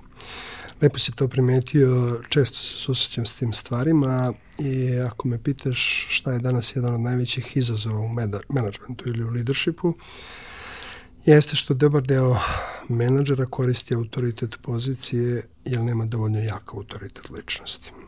Onog momenta kada čovjek postane svestan da je autoritet ličnosti mnogo bitna stvar, a, a on se stiče kompetentnošću i, i, i integritetom ovaj, čoveka, a, tog momenta se stvari rešavaju. Nije problem što je on napredovo možda iznad nivoa svoje kompetencije. Problem je što je on ništa nije uradio da postane kompetentan. Da pristao je yes. da ostane na tom Pristao je da ostane na tom nivou a, svojih kompetencija. Ja smatram da čovjek može da raste do nivoa svoje kompetencije, sve što preskoči preko toga nije dobro ni za njega ni za ostale, jer će prvo on da bude uplašen i da se, da, se, da biće ga strah da izgubi to što ima, a i biće ga strah da ne bude provaljen. Ovaj, ali sa druge strane takva osoba nije dovoljno jaka da vodi i upravlja timom koji mu je dat. Ima jedna lepa priča a, o jednom govorniku koji je došao na jednu konferenciju. Izašao je na binu kao govornik i držao je u ruci čašu od stiropora punu kafe i rekao je, uh, ja sam prošle godine bio na ovoj istoj konferenciji i držao sam predavanje, ali prošle godine sam bio na poziciji predsjednika izvršnog odbora jedne velike korporacije. Uh, poslali su mi poziv, platili su mi honorar, uh, poslali su mi kartu biznis klase, sačekali su me na aerodromu, vozač me odvezao do hotela, pomogli su mi da se čekiram, ja sam se obukao, istuširao, sačekali su me, doveze su me ovde do ove sale Iza su me uveli jednu prostoriju koja je onako divna za čekanje a, i doneli su mi predivnu porcelansku šolju tople kafe. Ove godine više nisam na toj poziciji, sam sam doputovao ekonomskom klasom, uzeo sam a, taksi do hotela, niko nije pomogao u čekiranju, sam sam to završio, došao sam taksijem ovde do sale i malo pre sam ušao pozadi, pitao sam da li negde mogu dobiti kafu, rekli su mi tamo ti je automat, ubaciš 2 dolara i dobit ćeš kafu i to je upravo ova kafa koja se nalazi u stiropor šolji. Sve što sam dobio prošle godine nije bilo za mene, već na poziciju na kojoj sam se nalazio. Svi mi zaslužujemo stiropor šolju sa kafom. Za dva dolara. Kao ljudi. Jel, ako nas ljudi prate zato što žele da nas prate, mi smo lider. Ako nas ljudi prate zato što moraju da nas prate, postavlja se pitanje da li smo lider. Kad nekompetentna osoba u korporaciji dođe na mesto da nije tome kompetentna, ima izbor ispred sebe. Radiću i danju i noću da postanem kompetentan. Ili tu sam gde jesam, napredovao sam, strahovaću da me neko ne skine odavde, a branit ću svoju poziciju tako što ću koristiti autoritet pozicije. Pretiću, ponašat ću se tako i tako. Ovaj, to su štete za korporaciju, ozbiljne štete. I, potrebno je da korporacija definiše vrlo jasne principe razmišljanja, vrlo jasne principe govora, vrlo jasne principe rada. A, danas radeći sa mnogim kompanijama kad me ljudi pitaju koja su tri najveće izazova ili tri najveće poruke koje bi nam ti poslao na osnovu svog iskustva koje imaš sa korporacijama, ja bih rekao ovako, a, roditeljski pristup prema članovima tima ili zaposlenim, znači u leadershipu roditeljski pristup. Um, vrlo, vrlo precizna instrukcija šta je posao svakog člana tima, kako se njegov posao meri i obuka da taj posao rade dobro i vojnička disciplina u izvođenju. Gde god sam nailazio na probleme, falila je jedna od ove tri stvari. Šta znači roditeljski pristup? Pa a, ljudi imaju svoju decu i vole svoju decu svaki dan, ali im se ne sviđaju svaki dan.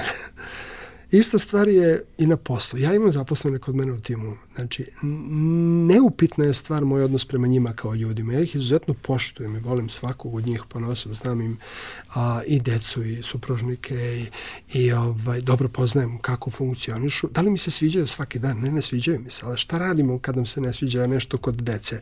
Znači, učim dete, usmeravam ga, trudim se da mu na neki način pokažem. Nekad ga i kaznimo, jer ne može drugačije jednostavno. Pa ista stvar je na poslu. za početak tak kažeš. Da, ista stvar je i na poslu. Znači, učim, koučujem ga, razvijam ga, a, treniram ga do nivoa dok ne vidim da li on hoće da postane bolji ili neće da postane bolji. Ovo, nekad se mora i kazniti, to je nešto što je potpuno normalno, ali ne smeju ti te namere, ti međuljudski odnosi, ako se dovedu u pitanje, onda to kao, kao virus uđe u korporaciju i pravi probleme. E, precizne instrukcije masa ljudi radi svoj posao, a nije mu precizno rečeno što je tačno njegov posao i kako se tačno njegov posao meri. Koji su takozvani ključni indikatori njegovog posla. KPI. KPI-evi, znači ono, a, nego samo od tebe se očekuje to. Kako će on, šta će, gde će, snađi se. a, nisu ni obučeni kako određene poslove da rade. Evo jedna korporacija, na primjer, sa kojom sam radio, jedna velika osiguravajuća kuća u regionu, angažovali su me a, da poboljšamo prodaju životnog osiguranja. Ja sam došao, znači oni imaju specijaliste za prodaju životnog osiguranja.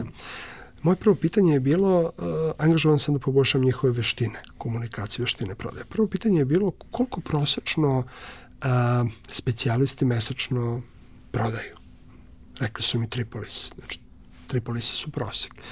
A, kakav vam je um, rating zaključivanja, odnosno uh, na koliko sastanaka zaključite jednu polisu? Kažu, prilike na četiri sastanka jedna polisa. Ja sam pitao, rekao, vi meni želite da kažete da vaše specijalisti za prodaju životnog osiguranja imaju 12 sastanaka mesečno. Ili jedan sastanak u dva dana. Pa kažu u proseku da. Rekao, vama uopšte nisu potrebne veštine. 4 prema 1 je Super. dobar racio zaključivanja posla. A, ovaj, vama treba da stavimo fokus šta je tačno njihov posao. Kako mislite šta je njihov posao? Pa rekao, vi gledajte, jedan čovjek koji se bavi prodajom ima tri ključne aktivnosti. Traženje potencijalnih kupaca ili klijenata, obavljanje razgovora sa njima, zaključivanje posla i nastavak odnosa sa tom sa tim klijentom. To su tri ključne aktivnosti koje jedan prodavac ima.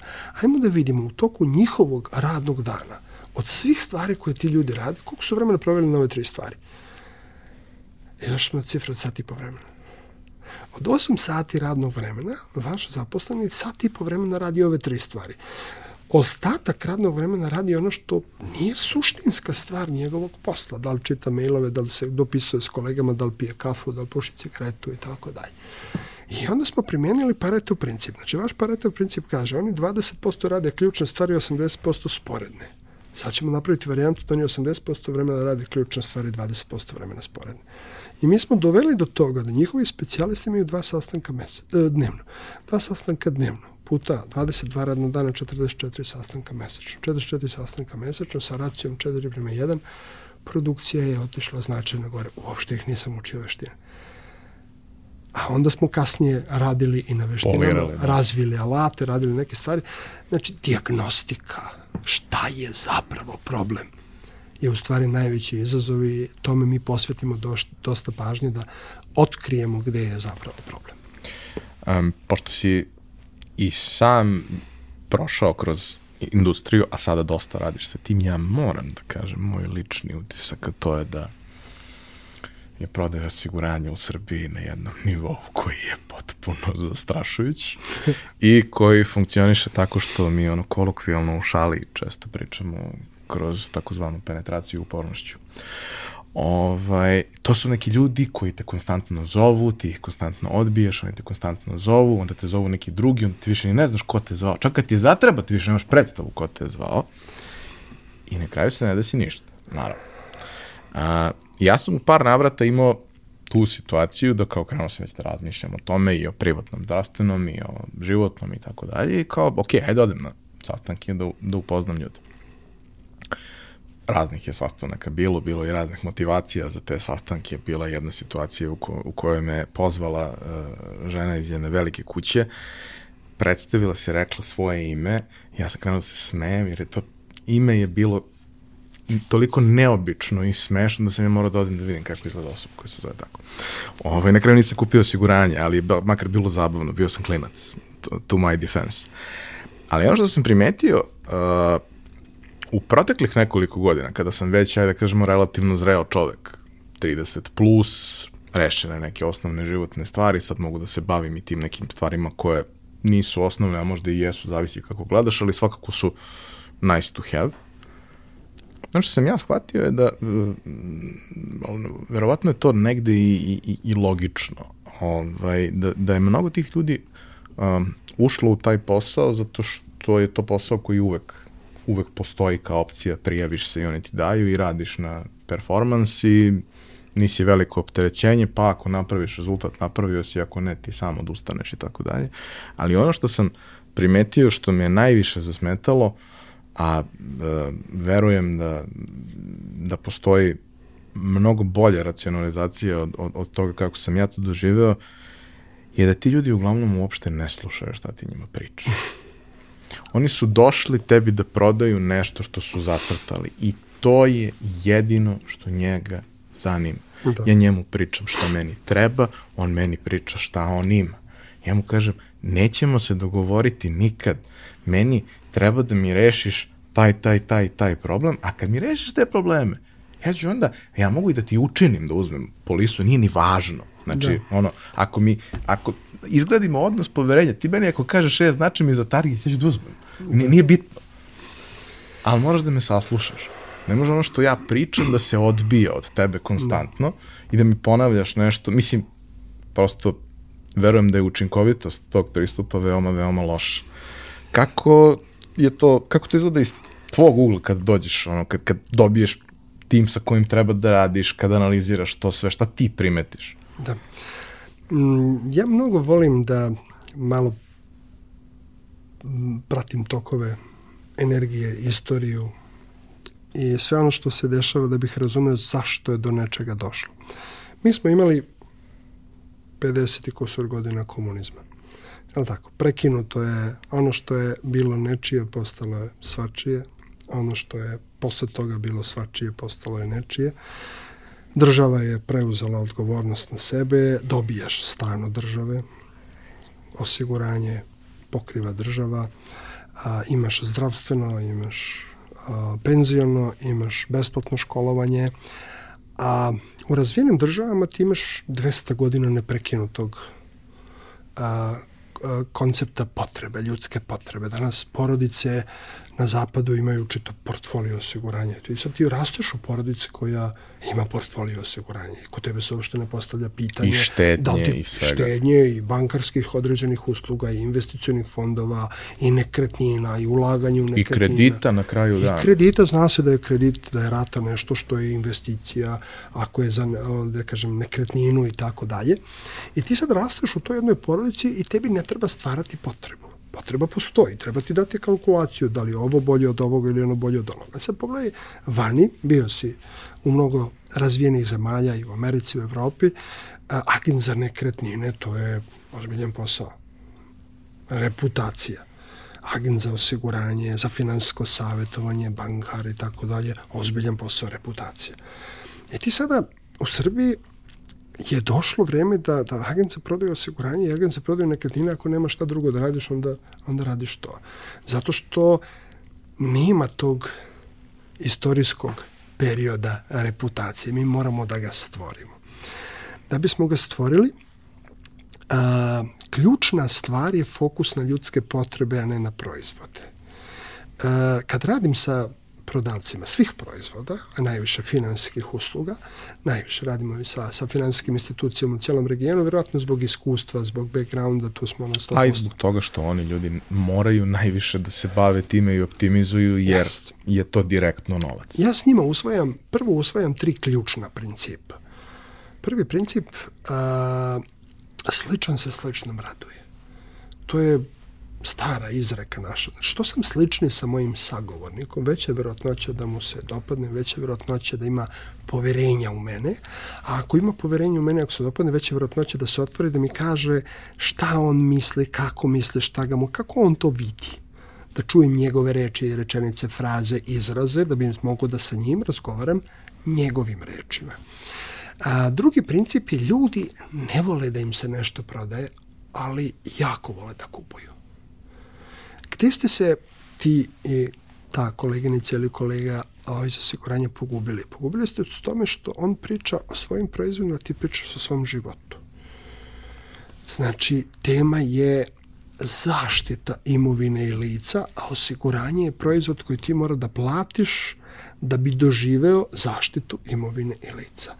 I prva stvar, na primjer, koju ja radim sa, sa agentima osiguranja jeste da oni shvate da se bave zaštitom imovine i lica. Osiguranjem se bavi osiguravajuća kuća.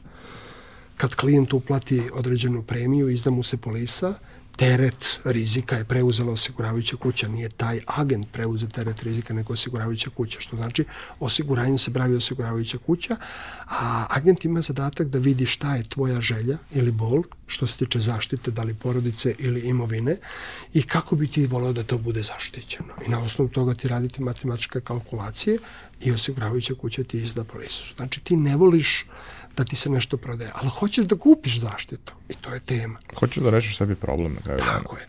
I treći, pita, treći princip je um, više ćemo klijentima biti interesantni ako im dva minuta pričamo o njemu nego ako im dva sata pričamo o sebi. Ljudi dolaze i pričaju o sebi i skoro svaki prodajni razgovor je mi, mi, mi imamo ovo, mi imamo ono, mi smo najveći, mi smo najbolji, mi smo ovakvi, mi smo onakvi. Vrlo malo se zapravo bave sagovornikom uh, a, šta vi želite u svom životu da promenite, unapredite, poboljšate i tako dalje i tako dalje. Slična stvar je i u bankarskom sektoru, imamo ove kredite, imamo ovo, imamo ono i tako dalje. Ovaj, malo se potrebama bavi. Naprimjer, kad radim s bankarima i pitam ih, um, kad vam uđe klijent u ekspedituru i pita um, interesujem uslovi kredita, šta je njegova potreba? moramo da dođemo do zaključka da je novac samo sredstvo za zadovoljavanje potrebe čovek nema potrebu za novcem, on ima potrebu da zadovolji neku stvar u svom životu, da nešto kupi, da nešto olakša, da doživi neku vrstu poboljšanja. Novac koji će da uzme od banke je sredstvo za zadovoljavanje te potrebe. I dok ne napravimo taj mindset da počnemo da se bavimo korisnikom, a ne svojim proizvodom, nema promene u tom pristupu. Tako da to je jedan od najvećih izazova, ali opet se vraćamo na misavo. Kako ja razmišljam o svom poslu? Neko je došao, zaposlen je, obučen je, ubučili su ga tarife, tabele, sve ono što ide. Na čemu je bio fokus u njegovoj edukaciji, na tome će on napraviti fokus u razgovoru sa klijentom.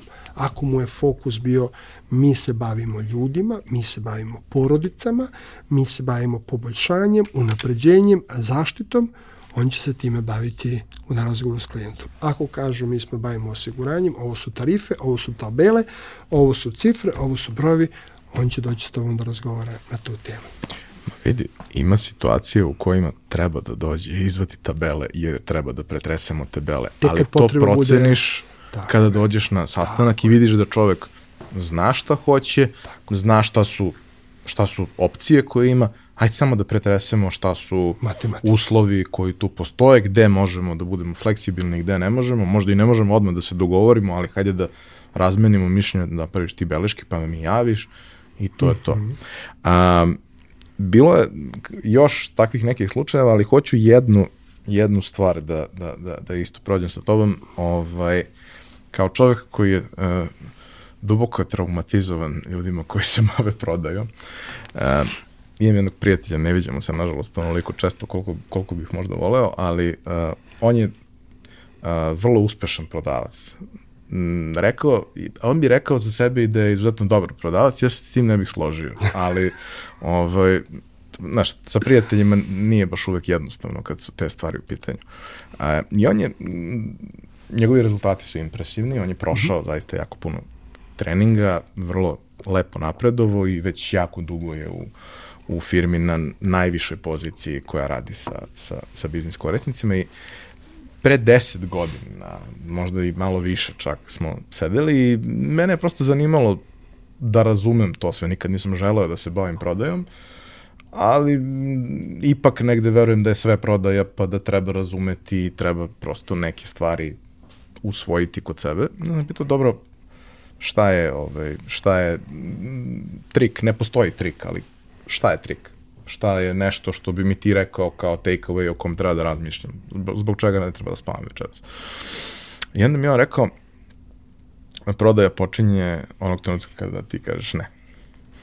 I uh, potpuno mi je jasno da postoji mnogo prodaje koje počinje sa ne. Ali postoji i određeni procenat ne, koje znači ne. I vrlo često To ne nije finalno. To ne je nešto što može da otvori diskusiju, ali najčešće taj pristup kad u glavu nekog gađaš sa istim pitanjem na svakih pet dana neće da izazove pozitivan, pozitivan rezultat. E sad, naravno, a, živa je stvar, svako ima različite iskustva, svako ima različite pristupe. Na kraju dana, ako ima rezultat, onda je on u tome uspešan i to je bez danjeg tako. Ali, da li prodaja počinje sa ne? A, moramo prvo sad govorimo šta su merile rezultata. Ako su merile rezultata, cifre u Excel tabeli i novac koji on dobio za to, to je jedna stvar. Ako su merile rezultata prezadovoljni klijenti koji sami kupuju i ne mora više ništa da im se prodaje, to je druga stvar. Dobro. Jedno je prodati, napraviti e, Ostvariti trenutni, target. trenutni rezultat, ostvariti target, drugo je sklopiti dugoročan odnos sa klijentom i doveti ga u situaciju da ne moraš uopšte da mu prodaješ, da on veruje u tebe i ovaj, kada ti jednostavno daš neku sugestiju, savjet, on kaže, slušaj, ti si to rekao, hoću. Ne moraš da mi objašnjavaš, znam da mi ti to kažeš, hoću. Um, to je sad ta strategija same kompanije. Da li, da li je nama klijent target ili nam je cifra koju ostvarujemo target? Vrlo malo kompanija ima klijenta za target. Mnogo kompanija ima Excel tabelu u kojoj stoji neka cifra kao target. Što je kratkoročno, Što je- možda što je- najlakše što je za merenje, ali taktika, dugoročno je... strategija. Tako je. Znaš, ti onda uvek moraš da prodaješ ljudima, ali ako ti je klijent target i ako ti je relationship selling ili prodaja kroz odnos, ključna stvar. Danas imaš tri prodaje koje se kombinuju na savremenom tržištu. Prodaja kroz odnos, konsultativna prodaja i edukacijona prodaja. Jer ako si je klijent e, oba su ponudama istog ili sličnog kvaliteta sa svih mogućih strana, a razlike u cenama toliko male da čoveku potpuno svejedno šta će da izabere, on bira čoveka koji će umesto njega da izabere. Kome više veruje, od njega će radije kupovati. Konsultativna prodaja jeste da ja tebi vrlo precizno kažem koje benefite a, i poboljšanja taj proizvod ili usluga treba da naprave u tvom životu ili ako je u pitanju neki proizvod koji će ti dati povrat investicije, kad će ti se povrat investicije desiti. I edukacijona je potreba, ako nisi svestan nekih potreba, da ti otvorim te potrebe i da ti pokažem kako možeš da ih rešiš. Te tri stvari su stvari trenutno prodaja 21. veka. Gde je ovde izazov a, u vezi sa tvojim pitanjem? Prosečno da osoba do svoje 18. godine preko 150.000 puta čuje reč ne od svog okruženja.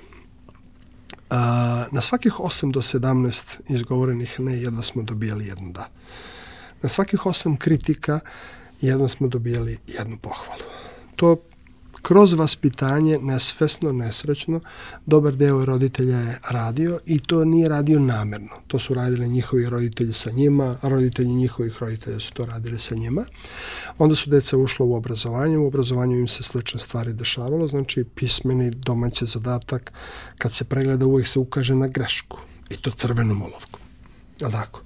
I onda kad smo počeli još da radimo na poslu, šefovi nam najčešće ukazuju na određene greške. Tako da je dva najveća straha ljudskog roda su strah od neuspeha i strah od odbacivanja. Strah od neuspeha je nastao upravo kad 150.000 puta čujem da nešto nisam uradio kako treba, ja to zavučem u svoju podsvest i mislim da nisam dovoljno dobar u donošenju odluka. Strah od odbacivanja je nastao kada je moje najbliže okruženje ljuto na mene, a čovjek ima potrebu za ljubavlju i zagrljajima svojeg okruženja, odnosno deca imaju potrebu, a onda deca iz straha da im se roditelji na ovaj i na onaj način ne udalje od njih su spremni da urade ono što im se kaže.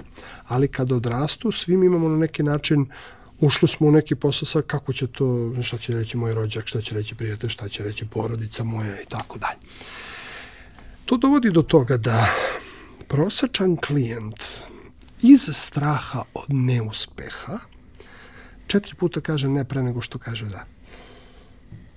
Kada prosječnom klijentu preporučuješ ili nudiš nešto što je novo, čemu ne zna ništa i tako dalje, iz straha da ne napravi grešku, iz straha da ne donese pogrešnu odluku, lakše mu je da kaže ne. Vrhunski prodavac, savjetnik ili konsultant mora biti sposoban da jednom istom klijentu pet puta može jednu istu stvar reći, ali na potpuno različite načine. To je, to je ta upornost i insistiranje. Insistiranje je kad stalno pričam istu stvari čoveka ono, guram, a upornost je kada ga razumem, shvatam i trudim se da mu sklonim strah od neuspeha. Jer ako ja profesionalno radim svoj posao, ja tebi smanjujem rizik od donete odluke. I ti se onda odlučuješ da poslušaš moj savjet. Ako radim posao tako što ti stalno pričam istu priču, ja ili te iznerviram, ili kažeš daj uzet ću samo nemoj više da me daviš. što je po meni možda i najgora stvar. Ovaj, ali jeste svih. taktika koju neki ljudi imaju. Ali je taktika, nije strategija dobra. Nije strategija tu, tu dobra.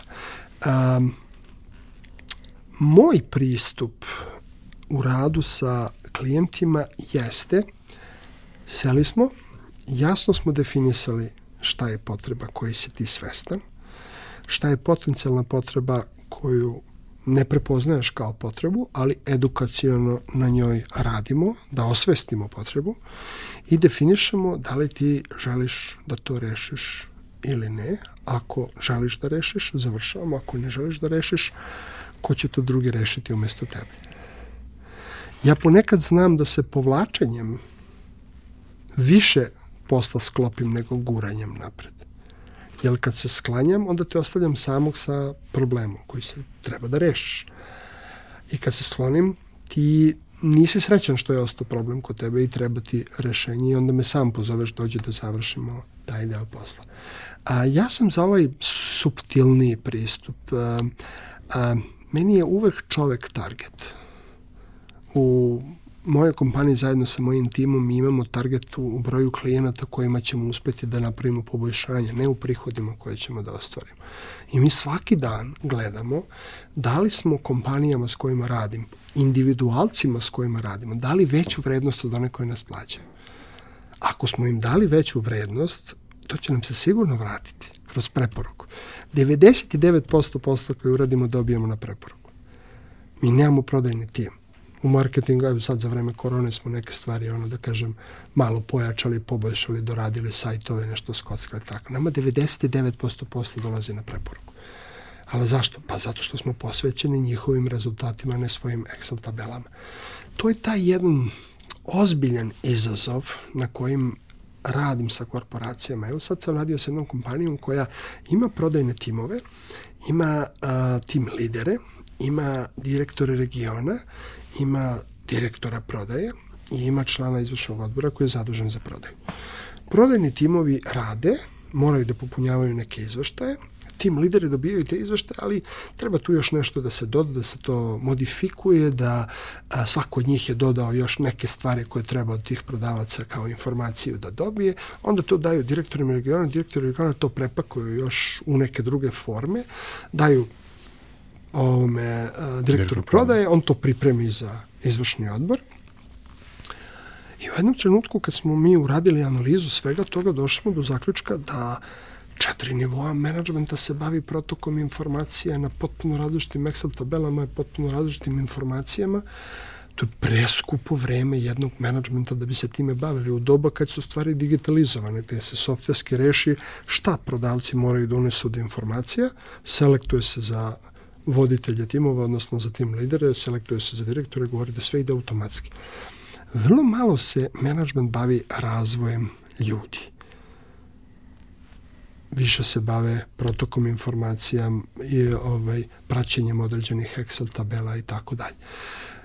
Postoji nešto što zove management kretanjem u naokolo. U nekim korporacijama menadžeri 75% vremena provode sa ljudima, razgovaraju sa njima, a, jačaju ih, koučuju ih i tako dalje. Imam još jednu diskusiju, vrlo, vrlo zanimljivu diskusiju kad sam sa, sa menadžerima na sastancima. Zanimljivo je slušati naše sastanke. Jer ovaj, ja kad sednem s njima za sto i kada otvaramo temu, ovaj, unapredim definišem da neće biti baš to jednostavan razgovor, jer ja da bi zaista mogu da ih upoznam, želim da naučim kako misle, da, da shvatim kako razmišljaju o poslu i da zajedno zajedno dođemo do zaključka koja su mesta koja treba da se unaprede. Jedno od pitanja, jako zanimljivo, kad pitam, da li je menadžer odgovoran za rezultat? U 99% slučajeva dobijemo odgovor da. Ja kažem ne. On jeste pozicijno odgovoran za rezultat. Ali on je odgovoran za ljude koji su odgovorni za rezultat. Ako imaš direktora prodaje koji ispod sebe ima a, tim lidere, a ovi imaju prodavce. Ko komunicira s klijentima? Komuniciraju prodavci, je li tako? Znači, naš zadatak je da svaki naš prodavac bude izuzetno osposobljen i motivisan. Jer postoji nešto što se zove trenutak istine, a to je kada klijent stupa u kontakt sa kompanijom. On sudi o cijeloj kompaniji, pa i o direktoru kompanije na osnovu osobe koju smo mu poslali. Je li tako? tako je. I ako si ti imao neiskustvo, iskustvo s nekim prodavcem, ovaj, koji te, ne znam, udavio, ti si kaže, e, vidi, i ovi iz ove kompanije su Ne, pričaš, jedan proizvod koji oni proizvode više neće doći kao opšte, Ti pričaš opcija. o cijeloj kompaniji, što je najveći problem, marketinški problem, tržišni problem. Ovaj, znači, naš zadatak je da ta osoba bude osposobljena. Ko se bavi osposobljavanjem te osobe? Tim lider. Znači, tim lider ima zadatak da osposobi tu osobu, ali tako? A ko osposobljava ti lidera? Direktor prodaje. Znači, ja kao direktor prodaje imam zadatak da moje tim lidere tako osposobim da oni samostalno rade svoj posao, a oni imaju zadatak da tako osposobe svoje prodavce samostalno rade svoj posao, a ne samo pratim cifre i brojeve i da pritiskam, stiskam, grdim ako nešto ne funkcioniš. To je jedna stvar. Druga stvar, podela targeta, podela cifara. Naprimjer, imaš um, tim lidera koji je dobio da proda nečega hiljadu i on ima deset ljudi u svom timu. Njemu je spušten cilj hiljadu. Nije mu spušten cilj deset puta sto. I ono deset ljudi, ima jednog koji je prodao 50, jednog 70, jednog 90, jednog 120, jednog 130 i tako dalje. On pogleda, aha, to, ok, oni su mi došli do 850, ovi 150 ću ja. I onda ode onda se bavi prodajem što nije njegov posao. Na primjer, ako to nije tako poslovno definišano definisano. Da je njemu dat target, imaš target 10 puta 100 i nagradu ćeš dobijati ako ti svih 10 pređu 100, tad ti dajem bonifikaciju. Jer tvoj posao je da razvijaš ljude, a ne da napraviš ovih hiljadu. Tvoj posao je da razvijaš 10 ljudi koji će praviti preko 100 da bi privio preko ove cifre ovde. Čak sa njima radimo upravo i na tome, na toj targetnoj politici. Ali opet se vraćamo. Čovek mora biti osnov svega. Kapitalizam kaže da je kapital osnov, svrha. Ne može da bude. Kapital je posledica onoga što urade ljudi. Mi moramo da se bavimo ljudima više u kompanijama, jer što se više bavimo ljudima, oni će se više baviti klijentima. I Kapital će doći kao posledica. Tako je.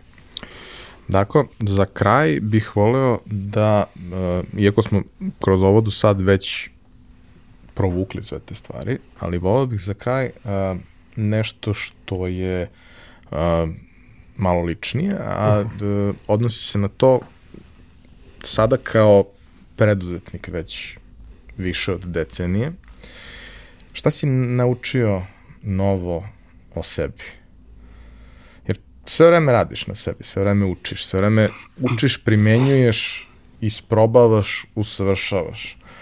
Ali tada kada si napravio taj iskorak, opet si zašao u teren koji ti nije bio dovoljno poznat, nije ti bio potpuno da. nepoznat, ali drugačije. Šta si naučio o sebi? A, imao sam puno strahova. A, strahove neke koje sam vukao iz detinstva i kad sam ulazio u preduzetničke vode bio sam ono, prva, prva firma kad mi je otvorena, jao, pa inspekcija, pa prostor, pa plate, pa, pa kako ću, pa gde ću i tako dalje. I onda sam vremenom shvatio stvari da velika, velika, ogromna većina strahova su stečene, nisu urađene. Ako su stečene, ne su softveri. Ako su softveri, mogu da se reprogramiraju. Znači, mogu da ih potisnem. Naučio sam kako da osvestim svaki svoj strah i kako mogu da ga potisnem. Tek kad potisnem strah, tenziju i pritisak, moj mozak funkcioniše otvoreno, kreativno. Mogu da dođem do kreativnih ideja koji mi puno pomažu u poslu.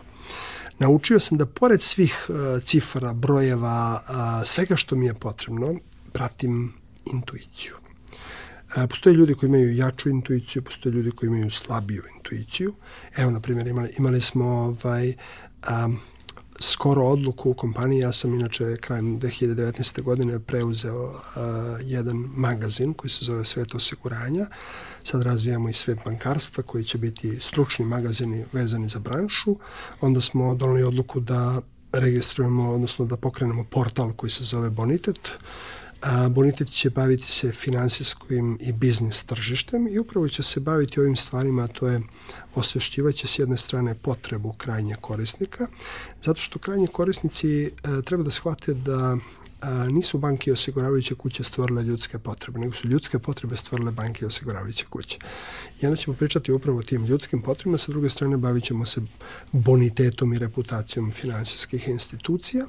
Međutim, kada sam donosio odluku a, da uđem u to, a, ja se konsultujem sa mojim partnerima, zaista imam predivne saradnike, a, ljude s kojima radim u kompaniji koje izuzetno poštujem i volim i ovom prilikom bi istako ovaj, koleginicu Bilju Pešić koja je onako um, moj veliki oslonac na desna, desna ruka moja ovaj, želim stvarno da joj se zahvalim ovaj, za sve što, što smo zajedno uradili. Znate, kad imaš nekoga u firmi ne moraš da brineš ni o čemu. A, a nas dvoje smo različiti. Mi kad diskutujemo o poslu, neko bi mislio da se svađamo. A mi smo naš odnos doveli do toga da ja s nju savršeno dobro poznajem, poznaje ona mene, znamo sve svoje a, razlike, a, nikad nemam sumnju da li ona mene želi dobro ili ja njoj, a, a slobodan sam da čujem svako mišljenje, sve ono što se tiče biznisa, ali odlučit ću na osnovu nekih parametara. I, na primjer, kad smo odlučivali o tim nekim stvarima vezane za, za sve to osiguranja, ovaj, mnogo je bilo cifara koje su govorile protiv. Ali moj stomak je opet govorio da tu nečega ima, da treba ići u tom smeru, iako je e, možda cifra ili tendencija ovakva onako, ja sam odlučio da poslušam intuiciju i vreme je polako pokazalo da sam bilo, bio u pravu. Naučio sam da slušam stomak. A, I treću stvar koju sam naučio, naučio sam da se bavim e, ljudima a, i da osposobljavam ljude da svoj deo posla rade i naučio sam šta znači delegirati posao i delegirati odgovornost. To se često meša. Ako sam ti delegirao posao, podrazumeva se da sam delegirao Ništa se Ništa se ne podrazumeva. Znači, naučio sam dva najvažnija principa za mene, to su jednostavnost i jasnoća.